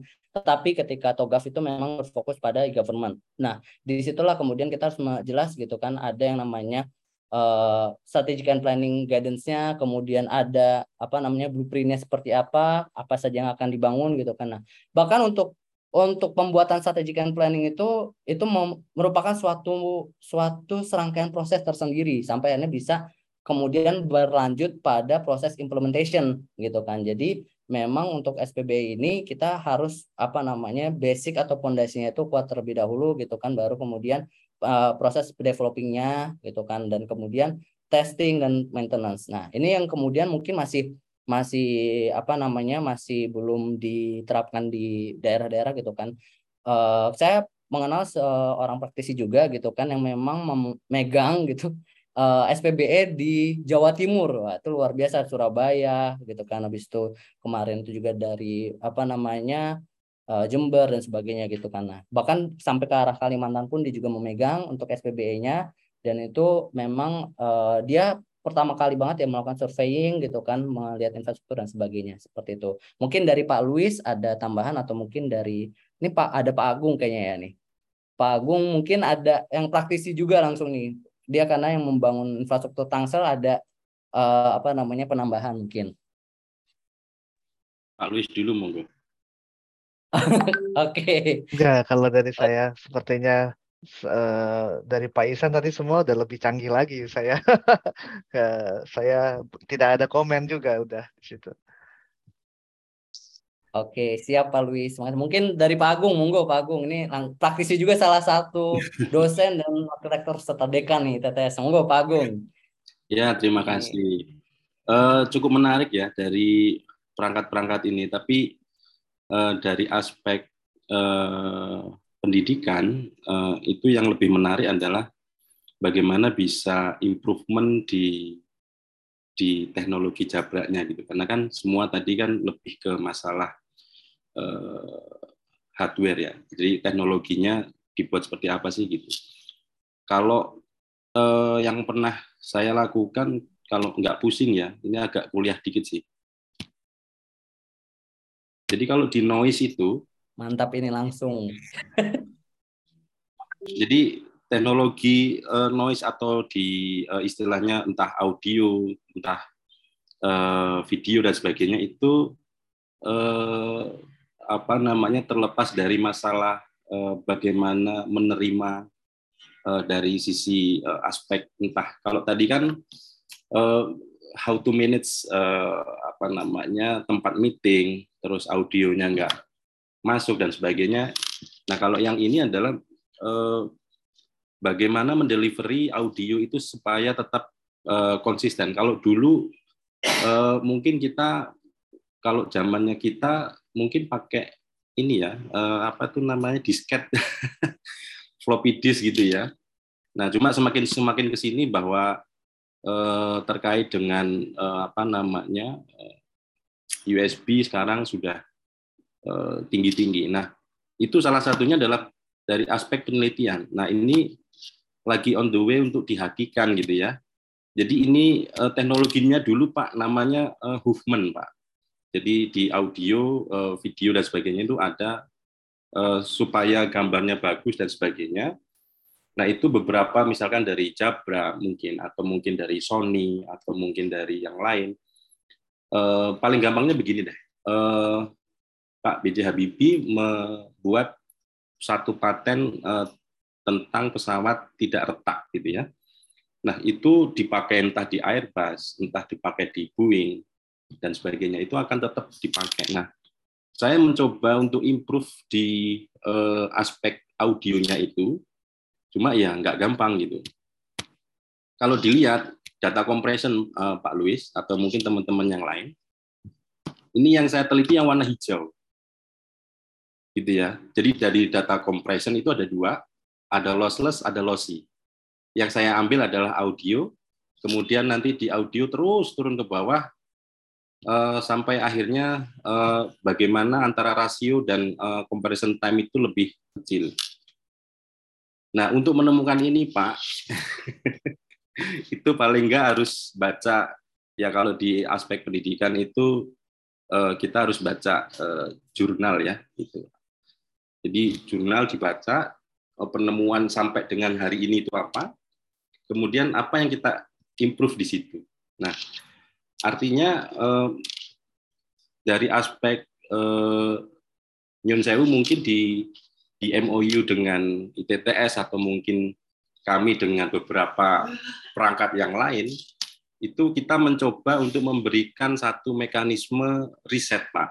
Nah, siapa tahu mungkin bisa eh, apa namanya eh, menjadi masukan R&D-nya gitu ya supaya mungkin kalau tadi aspeknya adalah eh, apa namanya tentang headset tentang eh, apa namanya eh, layar untuk zoom dan sebagainya, ya itu bisa jadi eh, apa namanya eh, satu mekanisme yang bagus atau mungkin sebelum masuk ke ke ranah si perangkat itu audionya dikompresi dulu supaya kedengarannya enak.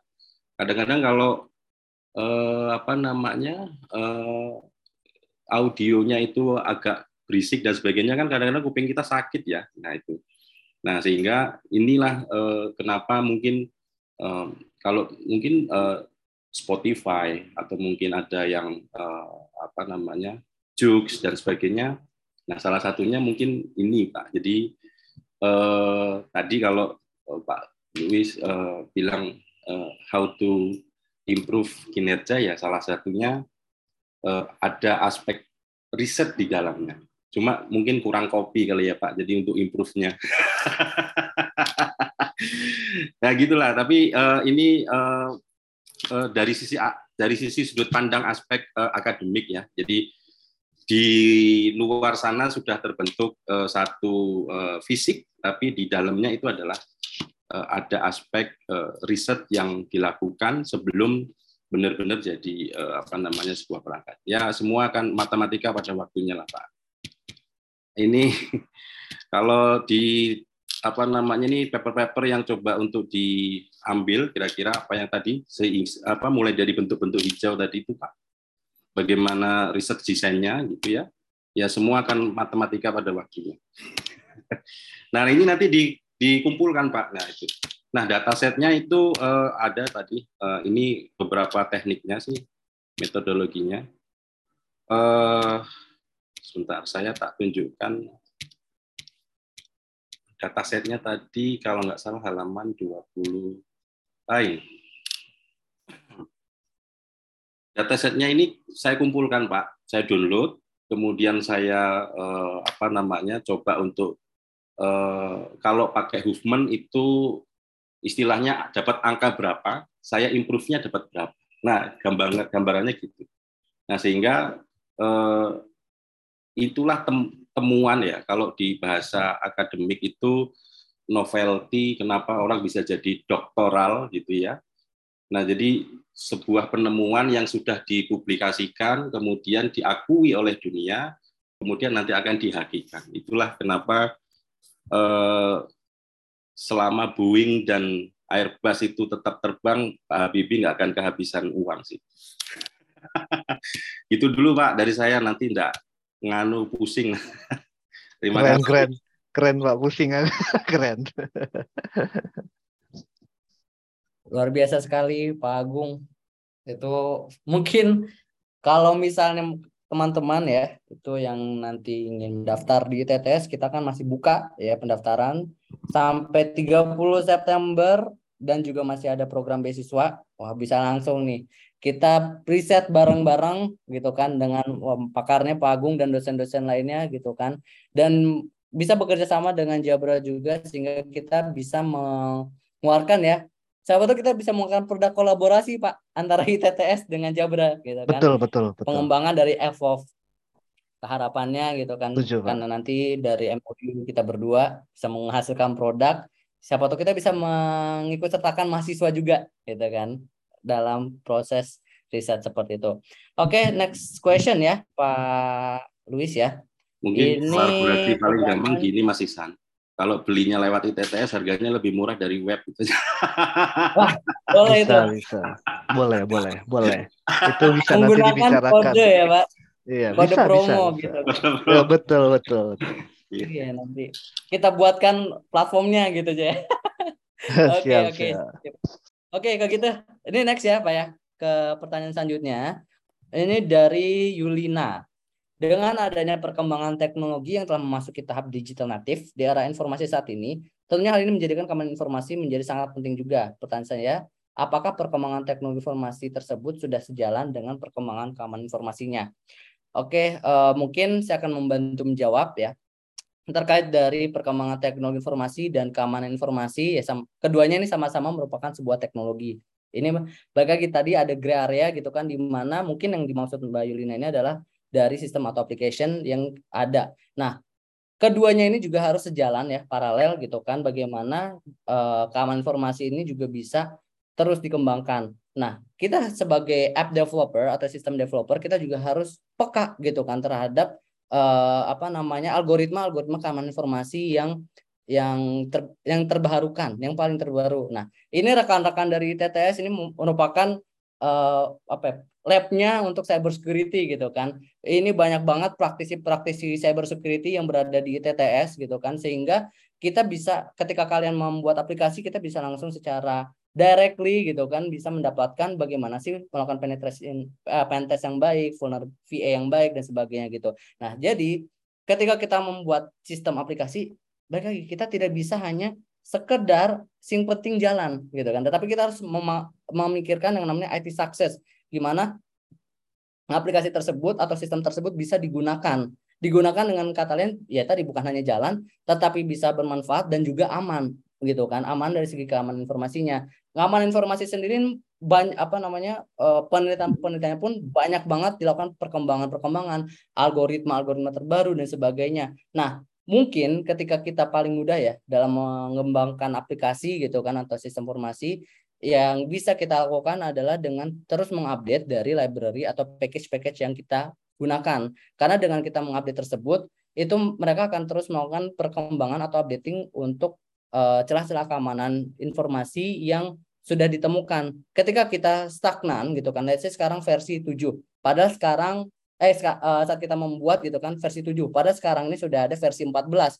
Sudah ada gap gitu kan, 7 version. Nah, di 7 version ini pasti sudah ada yang namanya perbaikan-perbaikan dari dari segi bug gitu kan bug ini bisa dari untuk keamanan informasi dari segi untuk apa namanya efisiensi efektivitas dan sebagainya itu pasti ada perbaikan-perbaikan. Nah kita sebagai sistem developer atau app developer kita harus peka. Sehingga kita uh, apa namanya janganlah malas-malas untuk melakukan updating gitu kan. Nah ini sempat dibahas di digital forensik juga gitu kan. Pak Joshua juga me, apa namanya mention gitu kan. Kita lebih baik melakukan updating dan reconfiguration dibanding kita stagnan pada versi yang kita gunakan, tetapi sebetulnya banyak banget vulnerability atau celah keamanan. Nah, itulah sehingga ketika kita mau membuat aplikasi, kita juga harus peka terhadap apa namanya algoritma ataupun teknologi-teknologi keamanan informasi yang terbaru seperti itu. Nah, kenapa sekarang isu-isu keamanan informasi itu banyak banget bermunculan, mencuat dan sebagainya? Itulah dalam uh, dari bentuk kita tidak uh, terlalu mengupdate gitu kan karena kita hanya apa?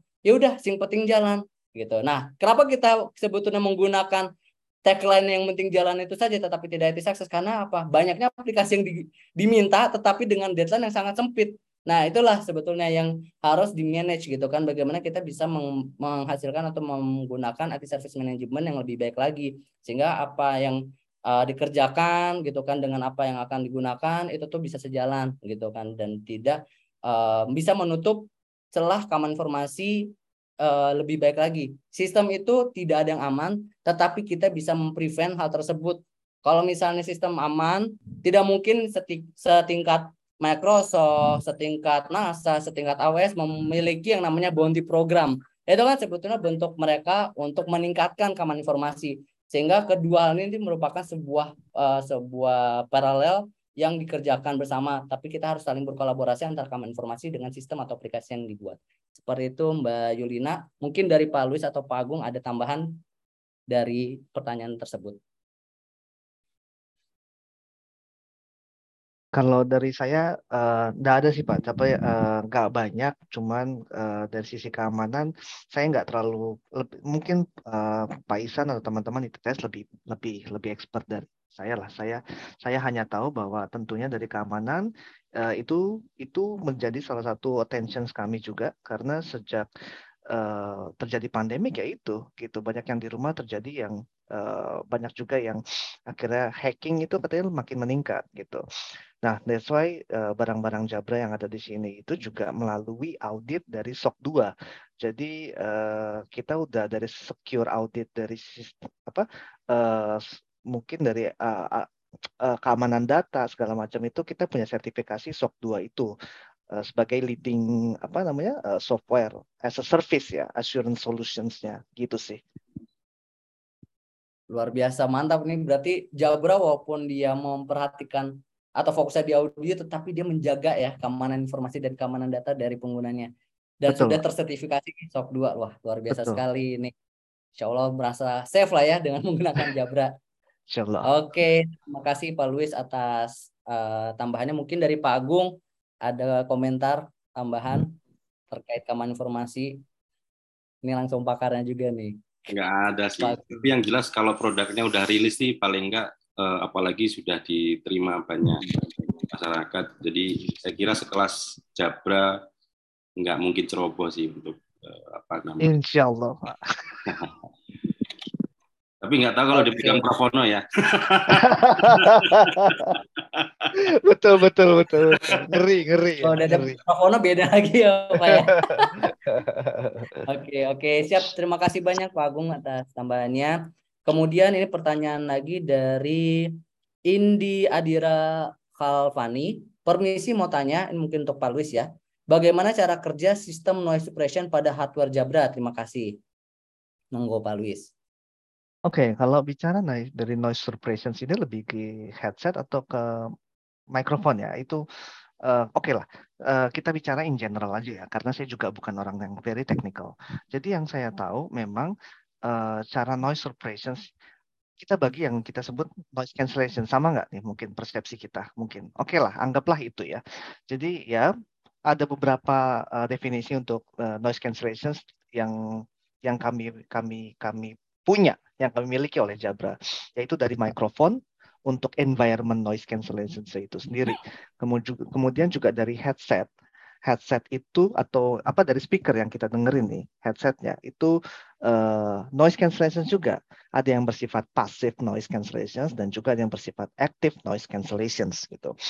Nah, untuk yang noise cancellation pasif yang paling mudah itu noise suppression saya kita surprise berdasarkan secara desainnya pasif dari eh, apa namanya dari desain eh, busanya kemudian dari desain headsetnya itu menutupi telinga dan semuanya seperti itu. Itu dia passive noise cancellation Eh, nggak ada nggak ada teknologi lah. Ya teknologinya ke busa-busa dan segala macamnya. Gitu. Lalu eh, active noise cancellation yang yang menarik. Itu mungkin mungkin teman-teman ITTS malah lebih ngerti. Karena dia menggunakan firmware jadi di sini ada beberapa mikrofon lagi ada mikrofonnya yang di Jabra punya itu di headset nggak cuma satu tapi banyak Nah, Microsoft ini yang nantinya kalau kita nyalakan active noise cancellation ya itu mengeluarkan gelombang. Nah, gelombang ini saya juga mungkin nggak kurang paham. Nah, gelombang ini yang mengeblok suara jadinya kita itu jadinya kedap banget nih, jadi budek yang kita dengar di sini. Gitu. Nah, itu jadinya kita memberikan quiet space. Jadi kita nggak terganggu walaupun berisik. Nah, dari sisi mikrofonnya sendiri, noise cancellation-nya, ini lebih ke AI-nya memang, artificial intelligence-nya. Jadi bagaimana dia mendeteksi suara. Kalau suara background yang jauh itu di uh, mikrofon lainnya, dia meng- uh, jadi aktif menangkap bahwa oh ini background noise itu diredam seredam-redamnya, nggak di nggak di deliver ke ke ke apa namanya ke pendengarnya gitu. Sementara yang dekat ini makanya fungsi boomnya ini mikrofon boom ini em, ini yang akhirnya membedakan. Jadi dia deket nih. Dia mem- membedakan suara yang dominan dan yang enggak. Semudah itu. Jadi artificial atau chipset yang bekerja. Yang deket ini, yang deket di mulut ini yang ditangkap dan diteruskan ke ke pendengar. Mungkin kalau yang dimaksud noise suppression seperti itu ya. Atau mungkin lebih ke eh, bandwidth-nya mungkin eh, datanya mungkin suppress aku kurang paham kalau soal itu sih. Oke, mungkin itu lebih ke Zoom atau ke Teams-nya itu. Mudah-mudahan menjawab Pak Isan. Oke, terima kasih Pak Luis. Ini berarti sebenarnya memang eh, dari noise cancellation sendiri ada dua teknologi ya, baik pasif maupun aktif. Di mana pasif itu lebih mudah untuk diimplementasikan ya Iya. dibanding aktif, karena aktif itu sudah meng apa ya, mengimplementasikan dari AI ya, gitu kan, betul. melihat dari frekuensi dan sebagainya untuk Betul. kemudian bisa melakukan noise cancellation seperti itu. Eh, mungkin dari Mbak Indi ada eh, tambahan pertanyaan gitu kan, atau mungkin ada pelurusan gitu. Oh enggak, maksudnya noise suppression yang saya maksud seperti ini, Mbak. Mungkin ada penambahan atau mungkin sudah jelas semuanya. Ya boleh nanya nggak? Eh, jangan serem-serem, Monggo. Pak. Nggak, Silakan. Pak Agung. Ini aspek jualan juga, Pak. Oke, oke, oke. Eh, mungkin biar gampang eh, kalau di dunia begini eh, kita bicara versus ya. Ada Hmm. Apple, ada Iya. Oppo, ada. Vivo dan sebagainya.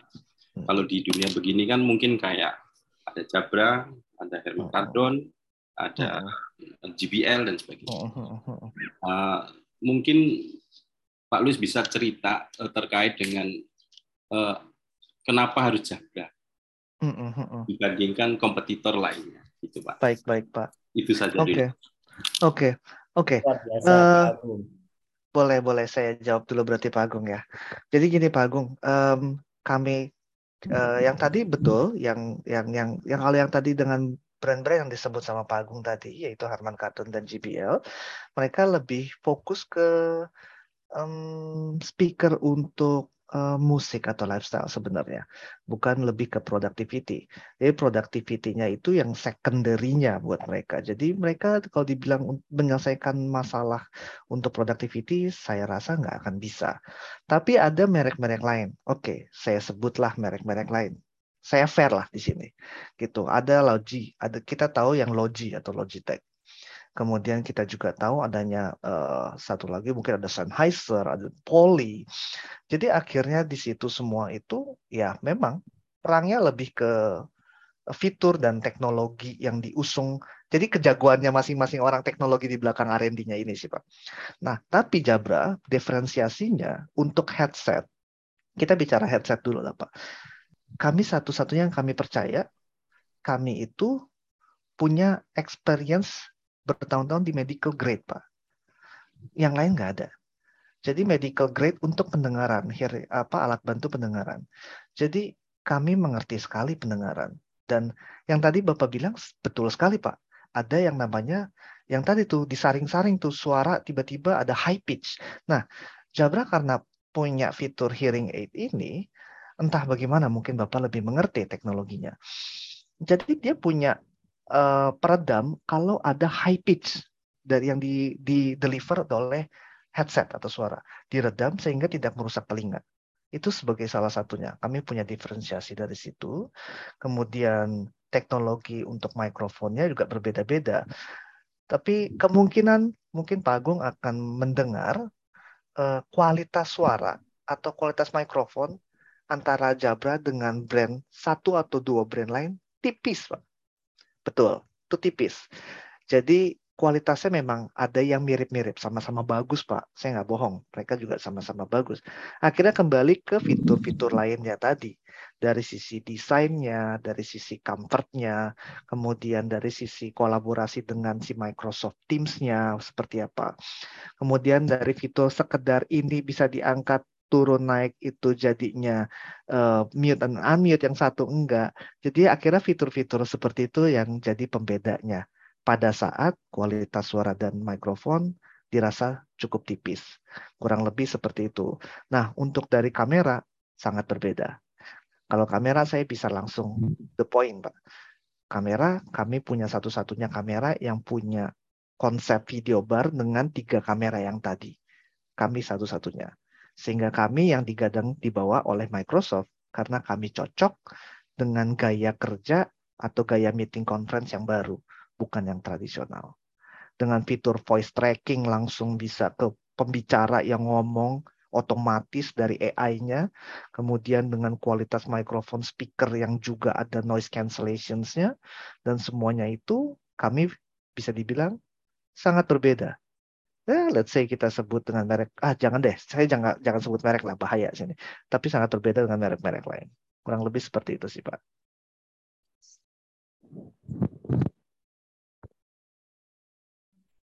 Siap Pak Luis. Gimana Pak Agung? Mungkin ada tambahan lagi? Langsung diuji dengan data Pak Agung. Serem pertanyaannya nanti dari Oh, Pak Agung. enggak. Oke, berarti udah udah clear semua ya Pak Agung ya. Ya, ya, ya. Semoga ini bisa berkolaborasi ya ujung-ujungnya dengan ITTS gitu kan. audio device kita semoga bisa dipenuhi. Nggak hanya audio, tetapi mungkin kamera gitu kan dan sebagainya untuk menunjang kelas hybrid kita yang akan mulai 3 Oktober ya Pak Agung ya. Ya, Insya Allah akan mulai 3 Oktober. Tapi kita PMB masih dibuka sampai 30 September hari Jumat minggu depan dan juga kita masih ada program beasiswa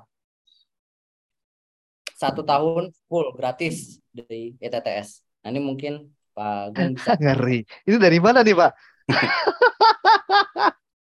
Kalau ini kebetulan yang dibandingkan adalah dua jenis produk consumer atau retail Betul. online betul. retail. Maksud saya, maksud saya eh, dari aspek mungkin akademisi ketika eh, melihat bahwa eh, eh, apa namanya terkait dengan apa yang ada di behind the skins-nya atau Ya. di belakang dari si produk itu Betul. bisa dibandingkan dengan teknik atau metode laba-laba seperti itu dari sisi desainnya, kualitas suaranya, dayanya, fiturnya dan sebagainya. Tapi eh, apa namanya eh, bahwa ini perlu diketahui bahwa eh, apa namanya ya mungkin apa namanya bisa akan terus naik dan akan menjadi nomor satu di dunia untuk Jabra lah saya kira. gitu. Terima kasih Pak. Ini menarik sekali. Bapak dari mana? Ngeri sekali. Eh, saya sangat suka pada Aku saat serem. ada Iya, saya sangat suka ada orang yang bicara di bawah data seperti ini. Saya senang banget, Pak. Jadi ini ya, valid ya, Pak ya. Ya, valid. jadi datanya jadi ketika kita sudah kolek kita punya data sheet, kemudian didudukkan dua alat, kemudian ada software untuk mengukurnya, ya beginilah tampilannya gitu, Pak. Ngeri, Pak. Tidak bisa ada dusta di antara kita jadi. Baik, baik, Itulah baik. Kira-kira. ini mungkin salah satu bentuk penelitian yang bisa kita lakukan ya Pak Agung Boleh. dengan Jabran. Boleh. Ya, Ini keren contoh banget. aja contoh. Boleh, boleh, boleh. Saya Penelitian kecil-kecilan siapa tahu jadi satu paper ya Pak Agung ya. Ya, Boleh, boleh, boleh. Nanti kita bisa ngobrol lebih lanjut. Siap. Oke, siap, siap, siap. Begitu. Oke, lanjut ya. Eh untuk pertanyaan berikutnya, tetapi sebelum masuk ke pertanyaan eh, next question ya, pertanyaan berikutnya, ini ada absen pulang bisa diisi terlebih dahulu. Oke, next di pertanyaan selanjutnya adalah masih dengan eh, Mbak Indi Adira Kalvani ya, Mbak atau Mas nih? Eh, permisi mau tanya, apakah semua produk yang ada di Jabra ya khususnya apakah plug and play atau harus menginstal driver yang ada terima kasih Hmm, bisa Oke. dibantu. Eh, dari Jabra kami mengusung teknologi plug and play semuanya. Memang akan ada driver, bukan driver dia, eh, software lah, ada aplikasi tools untuk memanage device setting dan mengupdate firmware-nya aja, itu aja. Tapi secara eh, penggunaan dia plug and play.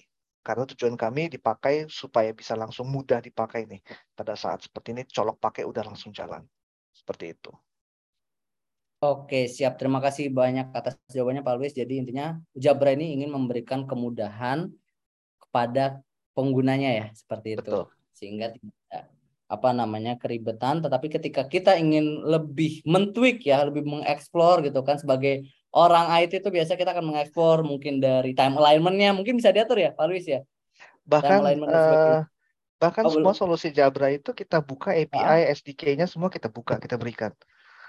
luar biasa sekali karena kebetulan saya juga ini Pak Luis sering ngoprek tapi saya car audio sebetulnya Oh, oke oke oke. jadi saya eh, oprek di SP digital sound processornya kemudian apa namanya time alignment kemudian habis itu frequency eh, response-nya itu saya sedikit banyak eh, Iya, apa iya, namanya iya. main lah jadi walaupun mobil mungkin murah tetapi kualitas audio bisa tapi memang itu untuk untuk eh, suara Untuk ya sendiri bukan- ya. Yes, Untuk betul. kenyamanan ini nih, eh, hobi Iya, ya, hobi. Luar Karena biasa. kan ada tools juga kan untuk mic apa namanya mikrofon Betul. apa namanya frekuensi responnya desibelnya itu saya Benar. memperhatikan kan. Tapi untuk Luar productivity mungkin ini bisa bisa menjadi solusi nih Jabra nih karena hanya untuk entertain. Yes, seperti yes, itu. yes. Betul. Oke, berarti next question eh, dari Mas Danito. Saya Dani dari Cimahi. Wah, luar biasa nih. Izin bertanya ke Pak Luis. Menarik sekali bahwa Jabra menjadi leader juga untuk intelligence audio.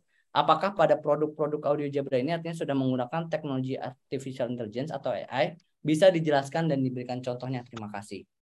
Oke, ini kayaknya tadi sempat sudah saya singgung sih. Jadi pertanyaannya iya, menggunakan chipsetnya menggunakan AI sendiri. Yang paling nyata AI-nya kami itu adalah dia learning untuk uh, kualitas suara, mikrofon dan juga wajah. Jadi dia itu akan mapping. Jadi di sini ada artificial intelligence untuk membedakan mana wajah manusia, walaupun kita menggunakan masker dan juga uh, mana yang bukan. Sehingga dengan dia kemampuan untuk belajar membedakan wajah manusia dengan yang lain, akhirnya dia punya yang kita bisa jadi punya voice tracking. Jadi orangnya lagi lagi ngobrol dia di mana, itu langsung ngezoom ke arah orangnya. Dia bisa kenal di situ ada orang. Nah, selain itu, kita juga punya uh, kita berikan jadi untuk uh, head count apa apa ya, menghitung jumlah orang. Begitu 5 6 orang dia duduk dia langsung mengenalin ada 1 2 3 4 5 6. Nah, ini data ini bisa diolah banyak banget yang tadi saya share. Jadi itu dibuka oleh Jabra untuk bisa dioprek-oprek gitu. Jadi bisa disambungkan juga mungkin dengan uh, dari kami itu ada kayak security li, uh, ruang apa limit uh, limit kapasitas ruangan. Jadi kalau dia bisa mengenali ada enam orang di situ, sedangkan limit kapasitasnya lima, itu nanti dia akan keluar announcement atau bisa disambungkan dengan report atau disambungkan dengan lampu jadi warna merah atau apa pun. Jadi seperti itu. Datanya juga bisa diambil. Kurang lebih seperti itu sih. Luar biasa sekali Jabra ya memang ini menjadi sebuah pionir ya peng Betul. penggunaan maksimalan dari AI dan semua datanya itu dibuka ke customer sehingga bisa lebih dioprek lagi lah ibaratnya Iya. oleh customer gitu kan. Bisa dioptimalkan atau digabungkan dengan sistem-sistem yang lain sehingga bisa memberikan service IT yang lebih baik lagi seperti itu ya Betul, Pak Luis ya. Betul. Oke, luar biasa. Semoga jawaban Pak Luis sudah menjawab dari Pak Danito ya. Iya. Oke, next dari eh, Mas Hardiansyah. Eh, pertanyaan terakhir ya. Apakah Jabra punya solusi untuk hybrid large conference room? Oke. Mung- Oke. Untuk large conference meeting room yang kami punya saat ini untuk berukuran kapasitas eh, 6 meter kali 4,5 meter atau setara 8 sampai 12 orang. Alasannya cuma satu, karena kami melihat kami berusaha mengcover eh, masalah yang terjadi nanti untuk ke depannya di mana ruang meeting conference akan lebih banyak yang ruangan middle, middle size dan yang kecil. Dan tidak ada satupun saat ini yang kami lihat eh, solusi untuk ruang-ruang middle size dan eh, small atau huddle room ini. Sementara solusi untuk ruangan besar itu udah banyak banget. Jadi kami nggak melihat di situ ada kebutuhan atau solusi yang dibutuhkan lagi. Akhirnya malah jadi redundant nanti. Udah banyak. Tapi yang kecil-kecil belum. Nah ini yang kita coba cover. Kami datang, Jabra datang, engineer for purpose untuk alasan satu, yaitu productivity dan memberikan solusi. Itu sih. Oke, berarti baratnya Jabra ini lebih apa ya? Niche market lagi ya. Wah, Luis ya. Saat Sehingga ini bisa bisa dibilang nih, tapi nanti akan rame pasti. Betul. Apalagi sekarang ya itulah balik lagi kepada workspace, co-working space yang kecil-kecil gitu ya Pak Luis ya. Ini Betul. luar biasa ini melihat apa namanya potensi visionnya tuh bagus sekali karena memang ya apalagi di daerah Jabodetabek gitu kan eh, ruangan masih makin kecil-kecil gitu kan dengan adanya virtual office dan sebagainya itu mungkin kita makin banyak yang kerja dari rumah yang mungkin hanya uh, ukuran office-nya tiga kali tiga tiga kali empat tetapi bisa dimaksimalkan seperti itu. Oke luar biasa sekali ini uh, untuk pertanyaan-pertanyaan yang sudah diberikan uh, ini sudah semuanya ya uh, Hmm. penanya yang apa namanya yang diajukan. Nah ini saatnya nih Pak Luis dari Pak Luis sendiri nih untuk menentukan siapa penanya terbaik yang bisa mendapatkan apa nih ja, tadi Jabra F of 2 ya. Jabra Ya. F of 2 ti- 30 monggo Ya. dari Pak Luis di beberapa penanya bisa Oke, jadi ditentukan. pertanyaan eh, eh, ini seputar pertanyaan Jabra aja atau semuanya? Atau Secara yang keseluruhan. secara keseluruhan Betul. kalau yang tadi saya kurang mungkin ini pertanyaan-pertanyaan yang berat tadi untuk seputar komputer dan IT tadi mungkin saya jadi kurang familiar Pak. Takutnya banyak yang keren-keren gitu tapi sayanya nggak familiar. Gimana nih Pak? Gak apa-apa Pak, langsung aja dari dari Pak Luis saja ibaratnya Oke. dari penanya yang diberikan mana yang Oke. paling terbaik untuk Sebenarnya kalau boleh saya tanya, apakah pertanyaan Pak Agung termasuk apa enggak? Kayaknya jangan ya. Jangan ya. Karena itu menarik kemarin tadi kita ngobrol-ngobrol menarik sekali. Pak Agung Oke, di, oke. dieliminasi ya Pak Agung ya. Ya, Mohon kasih maaf yang nih, Pak. lain aja, kasih yang lain. Oke, oke. Eh, Oke. Berarti mungkin saya nanti menggunakan teknologi artificial, teknologi jangan kayaknya lebih ke security. Tadi saya suka pembahasan yang lebih bicara ke security juga karena itu isunya lagi lagi seru banget sekarang ini dan itu juga isu yang eh, ya eh, nggak remeh gitu ya. Jadi saya pikir saya pilih untuk tadi eh, pertanyaan teknologi seiring dengan perkembangan keamanan informasinya yaitu dari Mbak Yulina berarti ya. Oke, luar biasa. Selamat kepada Mbak Yulina atau Mas ya. Mas atau Mbak Yulina karena sudah terpilih ya sebagai pemenang eh, dari Jabra FOF 230 eh, dari webinar kali ini dengan pertanyaan terbaik pada webinar kali ini. Untuk eh, bisa ditinggalkan ya nomor telepon bisa ke direct message ke saya atau ke Pak Luis langsung untuk nomor Ke- telepon ya. dan email ya bisa langsung ke zoomnya Pak Luis sehingga bisa di follow up lebih lanjut Boleh. seperti boleh. itu. Ah, Nah, Nanti kayaknya aku serahkan ke tim ITTS aja kali ya. Nanti biar tim Oh ITTS yang oke siap bantu. kalau gitu. Atau kalau mau, iya maksudnya tim ITTS bantu eh, berikan alamatnya ke kami. Nanti kami bisa yang langsung kirimkan ke user. Oke ya. siap Pak Yulina eh Pak Luis Wah, Mbak Ya. Yulina bisa di ini diinformasikan atau tadi sudah ini ya mengisi absensi pulang kalau sudah mengisi absensi pulang nah, coba saya saya cek terlebih dahulu ya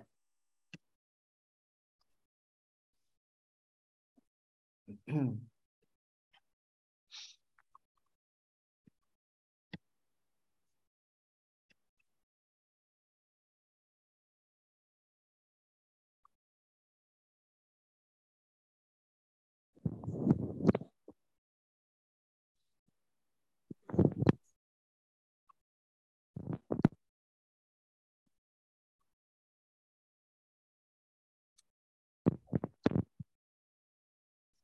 Oke, kalau gitu ini sudah mengisi ya. Nanti dari tim ITTS akan eh, mengoordinasi lebih lanjut ya, Pak Luis ya, dengan Ya. pihak Jabra.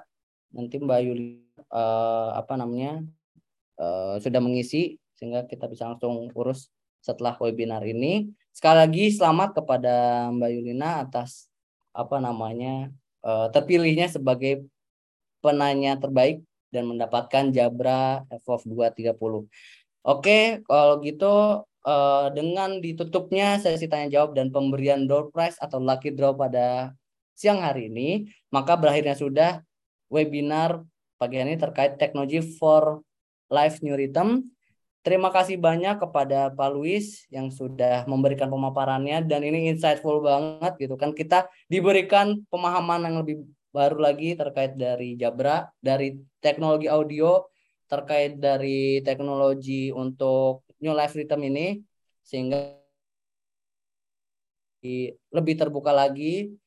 Dan untuk teman-teman sekalian Bapak Ibu Mas Mbak yang punya saudara kolega ataupun ingin mendaftar atau melanjutkan atau melanjutkan kuliah di TTS kita masih membuka pendaftaran masa baru hingga tanggal 30 September dan juga program beasiswa full free satu tahun Uh. masih dibuka juga hingga 30 September. Sehingga mari kita bisa eh, Bapak Ibu sekalian bisa daftar di ITTS dan mendapatkan ilmu-ilmu yang lebih banyak lagi gitu kan. Mungkin kalau yang sudah mengikuti webinar bisa lihat gitu kan. Itu hanya masih kulit-kulitnya saja tetapi ketika sudah menjadi mahasiswa ITTS lebih banyak lagi ilmu-ilmu yang bisa didapatkan. Oke, sekian eh, dari saya sebagai host. Ingin eh, sebelumnya jangan lupa untuk mendaftar juga ya di workshop eh, digital marketing uh, yang diadakan oleh ITTS juga berkolaborasi dengan Lumindo Succession Comso pada hari Sabtu uh, 1 Oktober 2022 bagaimana digital marketing bisa mengakselerate bisnis kita atau kita akan memberikan workshop ya atau pelatihan hacks dari digital marketing sehingga bisa mengakselerate dari bisnis kita. Oke, sekian dari saya. Sekali lagi terima kasih banyak untuk Terima kasih. Pak Luis, Pak Agung, dan uh, para peserta yang sudah hadir di webinar pagi, pagi hari ini. Selamat siang. Selamat Uh, siang wassalamualaikum semuanya. warahmatullahi wabarakatuh. Waalaikumsalam. Waalaikumsalam. Thank you, Pak Luis. Sama-sama Pak Agung. Terima kasih diskusi menarik ya. Ya. Belajar banyak. Oke, selamat siang Pak. Ya, siap.